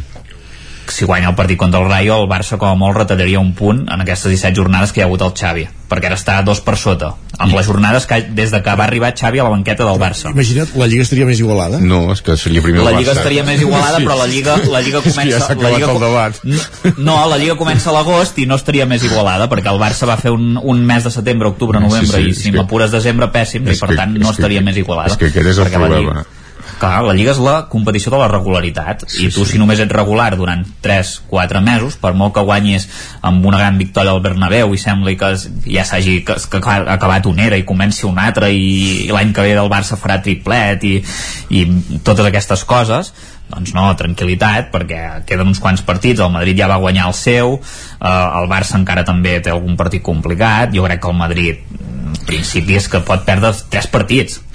Recordem-ho, tranquils. El Madrid té molt avantatge i, i, acaba, i, i acabarà guanyant la Lliga perquè el Barça va, va engegar tard però el, el, des del desembre això es veu que és una altra història. I llavors aquestes qüestions que passen com, com el dissabte bueno, doncs són temes que també s'hi ha de comptar no? Vull dir els, que... els dissabte va passar que hi va haver tres penals claríssims que es van xiular, un gol anul·lat en fora de joc claríssim que es va xiular no ens escandalitzem pas tant quan al Madrid li piten tres penals en contra de Mestalla no els quals eren això. bastant dubtosos aquell dia cap problema, eren penals tots clars segons l'aficionat del Barça, només cal anar a mirar a la maroteca i ho veureu, en canvi quan els penals són clars perquè són clars. Per cert, el penal que falla Benzema s'hauria d'haver repetit perquè van entrar jugadors de, del Celta a dins l'àrea, que això es va fer repetir ara fa unes jornades en un partit eh, del, del Girona contra l'Almeria, que es va repetir el penal. Aquest penal s'hauria d'haver repetit, doncs, si ens posem amb el reglament a la mà.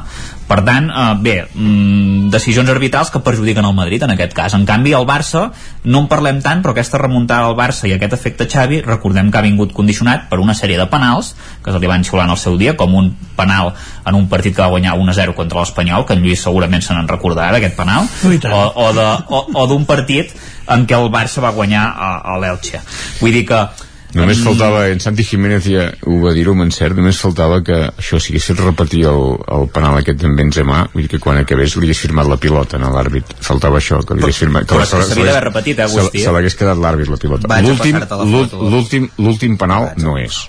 L'últim no és penal. Sí que és penal, no, és penal, Agustí. no. Com que no és penal? Treu- ah, vale, doncs no és, treu, treu, no és penal el dia de treu- l'Espanyol. Treu el peu, estira l'últim no és penal i, i al final eh, és això, eh, el Madrid acabarà guanyant aquesta lliga però penso que circumstàncies com aquesta l'altre dia no I el ajuden d'Araujo és penal? no, no ajuden, no ajuden aquestes com, com, com la de l'altre dia no ajuden fins i tot en el Madrid perquè perd, perd, perd mèrit la victòria perquè aquest partit potser l'hauria d'haver guanyat el Madrid però esclar, diguem la, la recurrència en xiular penals eh, i, el, i el gol del Celta jo també crec que està ben anul·lat perquè tot i que no toca la pilota intervé i, però l'últim Anava a dir, pensava que- no, jo crec que està ben anul·lat. Jo, i, i sempre, jo sempre he defensat eh, que, el, que, el, que, que el VAR el que passa que aquí no, no, no intervé eh, no, el VAR intervé en la jugada aquesta del, del Celta i jo crec que el gol està ben anul·lat però que treu pressió a l'arbitratge però eh, aquestes circumstàncies com de dissabte és massa recurrent, o sigui, tres partits unes circumstàncies Però quants penals li han xiulat al Madrid tot l'any, tal, Agustí? tal, tal, com, tal com van ser els penals no, no l'ajuden No. no, no l'ajuden al Madrid Vale. això, no l'ajuda no l'ajuda El primer dos, dos penals sí que van ser el tercer, per mi, no? el tercer no és penal és que, El tercer, per, per mi, és, al revés, és falta... és que es comença Bueno, el, el jugador del guanya Celta 2 a 1 treu, al Madrid. treu, treu, treu la cama i l'altre jugador ja, ja cau i el va buscar per buscar el contacte quan ja està caient i el del Celta treu la cama I, i el, el de l'Araujo és penal, perdona, que no ho hem comentat. És penal el de l'Araujo amb les mans esteses o no és penal? Tampoc és penal. no, no és penal És, és, el- clar, com que és el camp del Barça no és penal. les és mans esteses no, la mà enganxada al cos no és penal Alguna, algun, Vale. algun penal, Bueno, mm. algun penal així s'ha xiulat, eh? Vull dir que... enganxades al cos, exacte. Si vols te'n recordo un, Lluís, que jo me'n recordo un de penal així, un de militar l'any passat que ens va costar una lliga contra el Sevilla, a Valdebebas. Me'n recordo. Igualit, igualet. Igualit. El penal.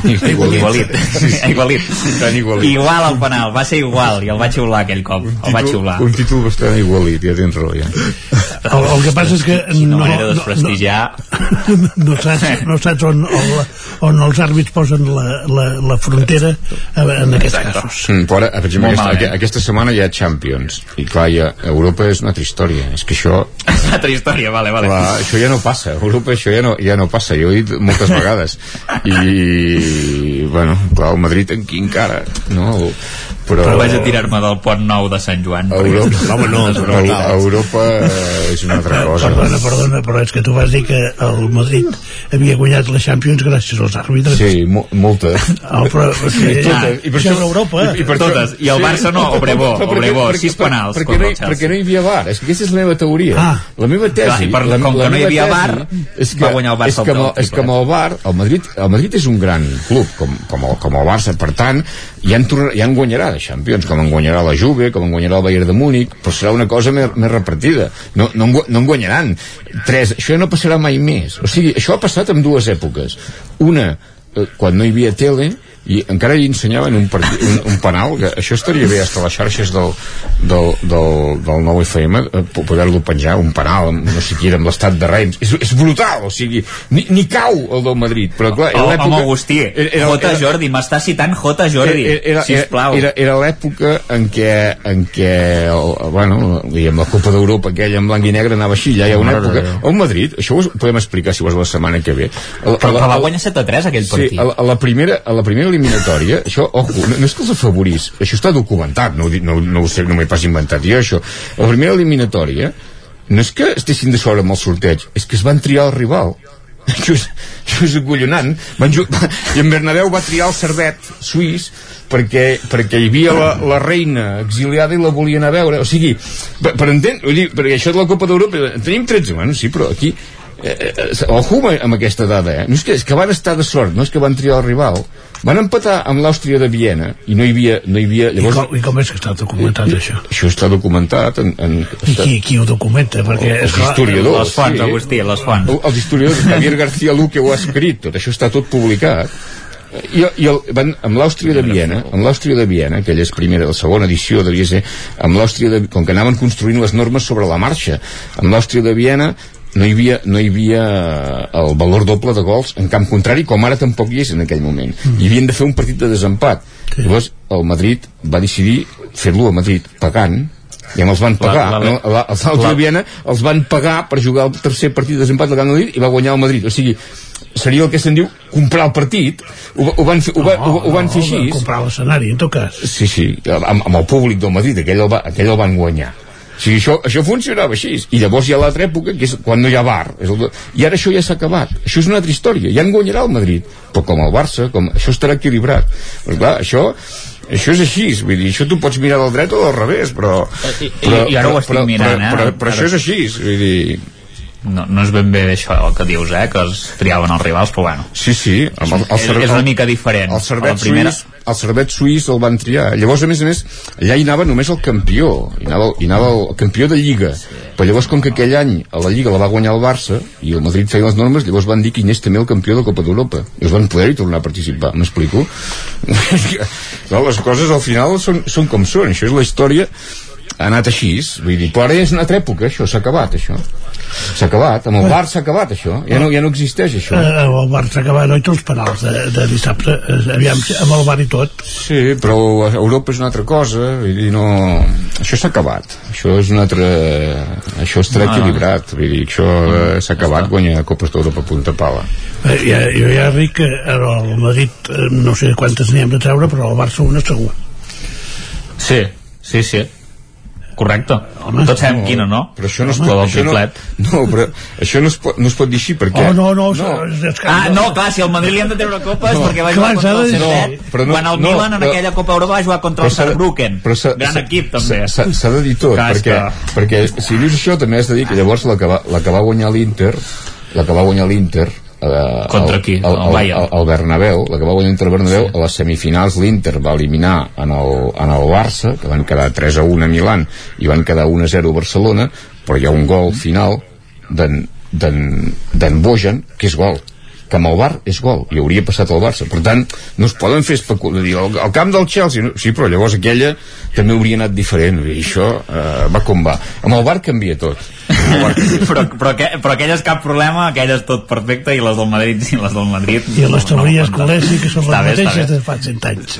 Sí, el El Barça victimisme i, és i, i ser un equip perdedor i loser, com sempre ha set, eh? i darrere el Perdedor Madrid. i loser. Avui l'Espanyol juga Sí, a Anoeta, redundància. Avui sí, sí. les 9 del vespre. Eh, bueno, com sempre. Els horaris... Sí, anava a dir... els horaris i, els, i els dies, això eh, sensacional i, i jugar un dilluns en, en ple mes d'abril que sembla que estiguem al gener un autèntic desastre però bueno hem, hem d'acabar la temporada com sigui i anar per la que ve i veure si i a la que ve va millor i sobretot eh, el eh, s'orienta eh, cap un, un, un camí eh, diguem a seguir i que aquest camí eh, el marqui algú i el segueixi durant eh, tres o quatre temporades que això és el que ens faria falta perquè eh, anem això de, de de dreta i esquerra sense, sense saber exactament on som i, eh, i això fa, fa molt mal un grup que té, té un, un nombre de seguidors més important del que semblaria eh, a tenor de la repercussió que té els mitjans de comunicació a Catalunya. Eh, jo, entenc, jo entenc que els pericos som eh, de llarg un, un club que es mereixeria més, més respecte de, de informatiu i llavors doncs, ens, això ens ho haurem de guanyar a poc a poc i anar sumant punts i anar aconseguint alguna fita important que eh, això només ens ho marca això el, el fet de de que el projecte sigui seriós i se segueixi incondicionalment passi el que passi Doncs amb aquest missatge acabem avui la tertúlia i el territori 17. Gràcies a tots tres per ser un dilluns més aquí amb nosaltres. Bon, dia. Adéu, bon dia. Acabem, com dèiem, el territori 17 d'aquest dilluns 4 d'abril del 2022. Us hem acompanyat des de les 9 del matí Pepa Costa, Caral Campàs, Guillem Sánchez, Guillem Freixa, Òscar Muñoz, Esther Rovira, Núria Lázaro, Adrià Oliveres, Isaac Muntades, Lluís de Planell, Agustí Danés, Jordi Sunyer i Isaac Moreno. I tornem demà a partir de les 9 aquí al territori 17. Bon dia.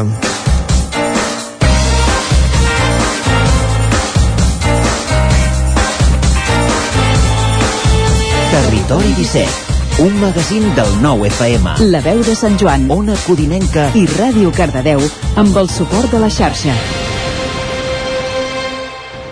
el nou FM.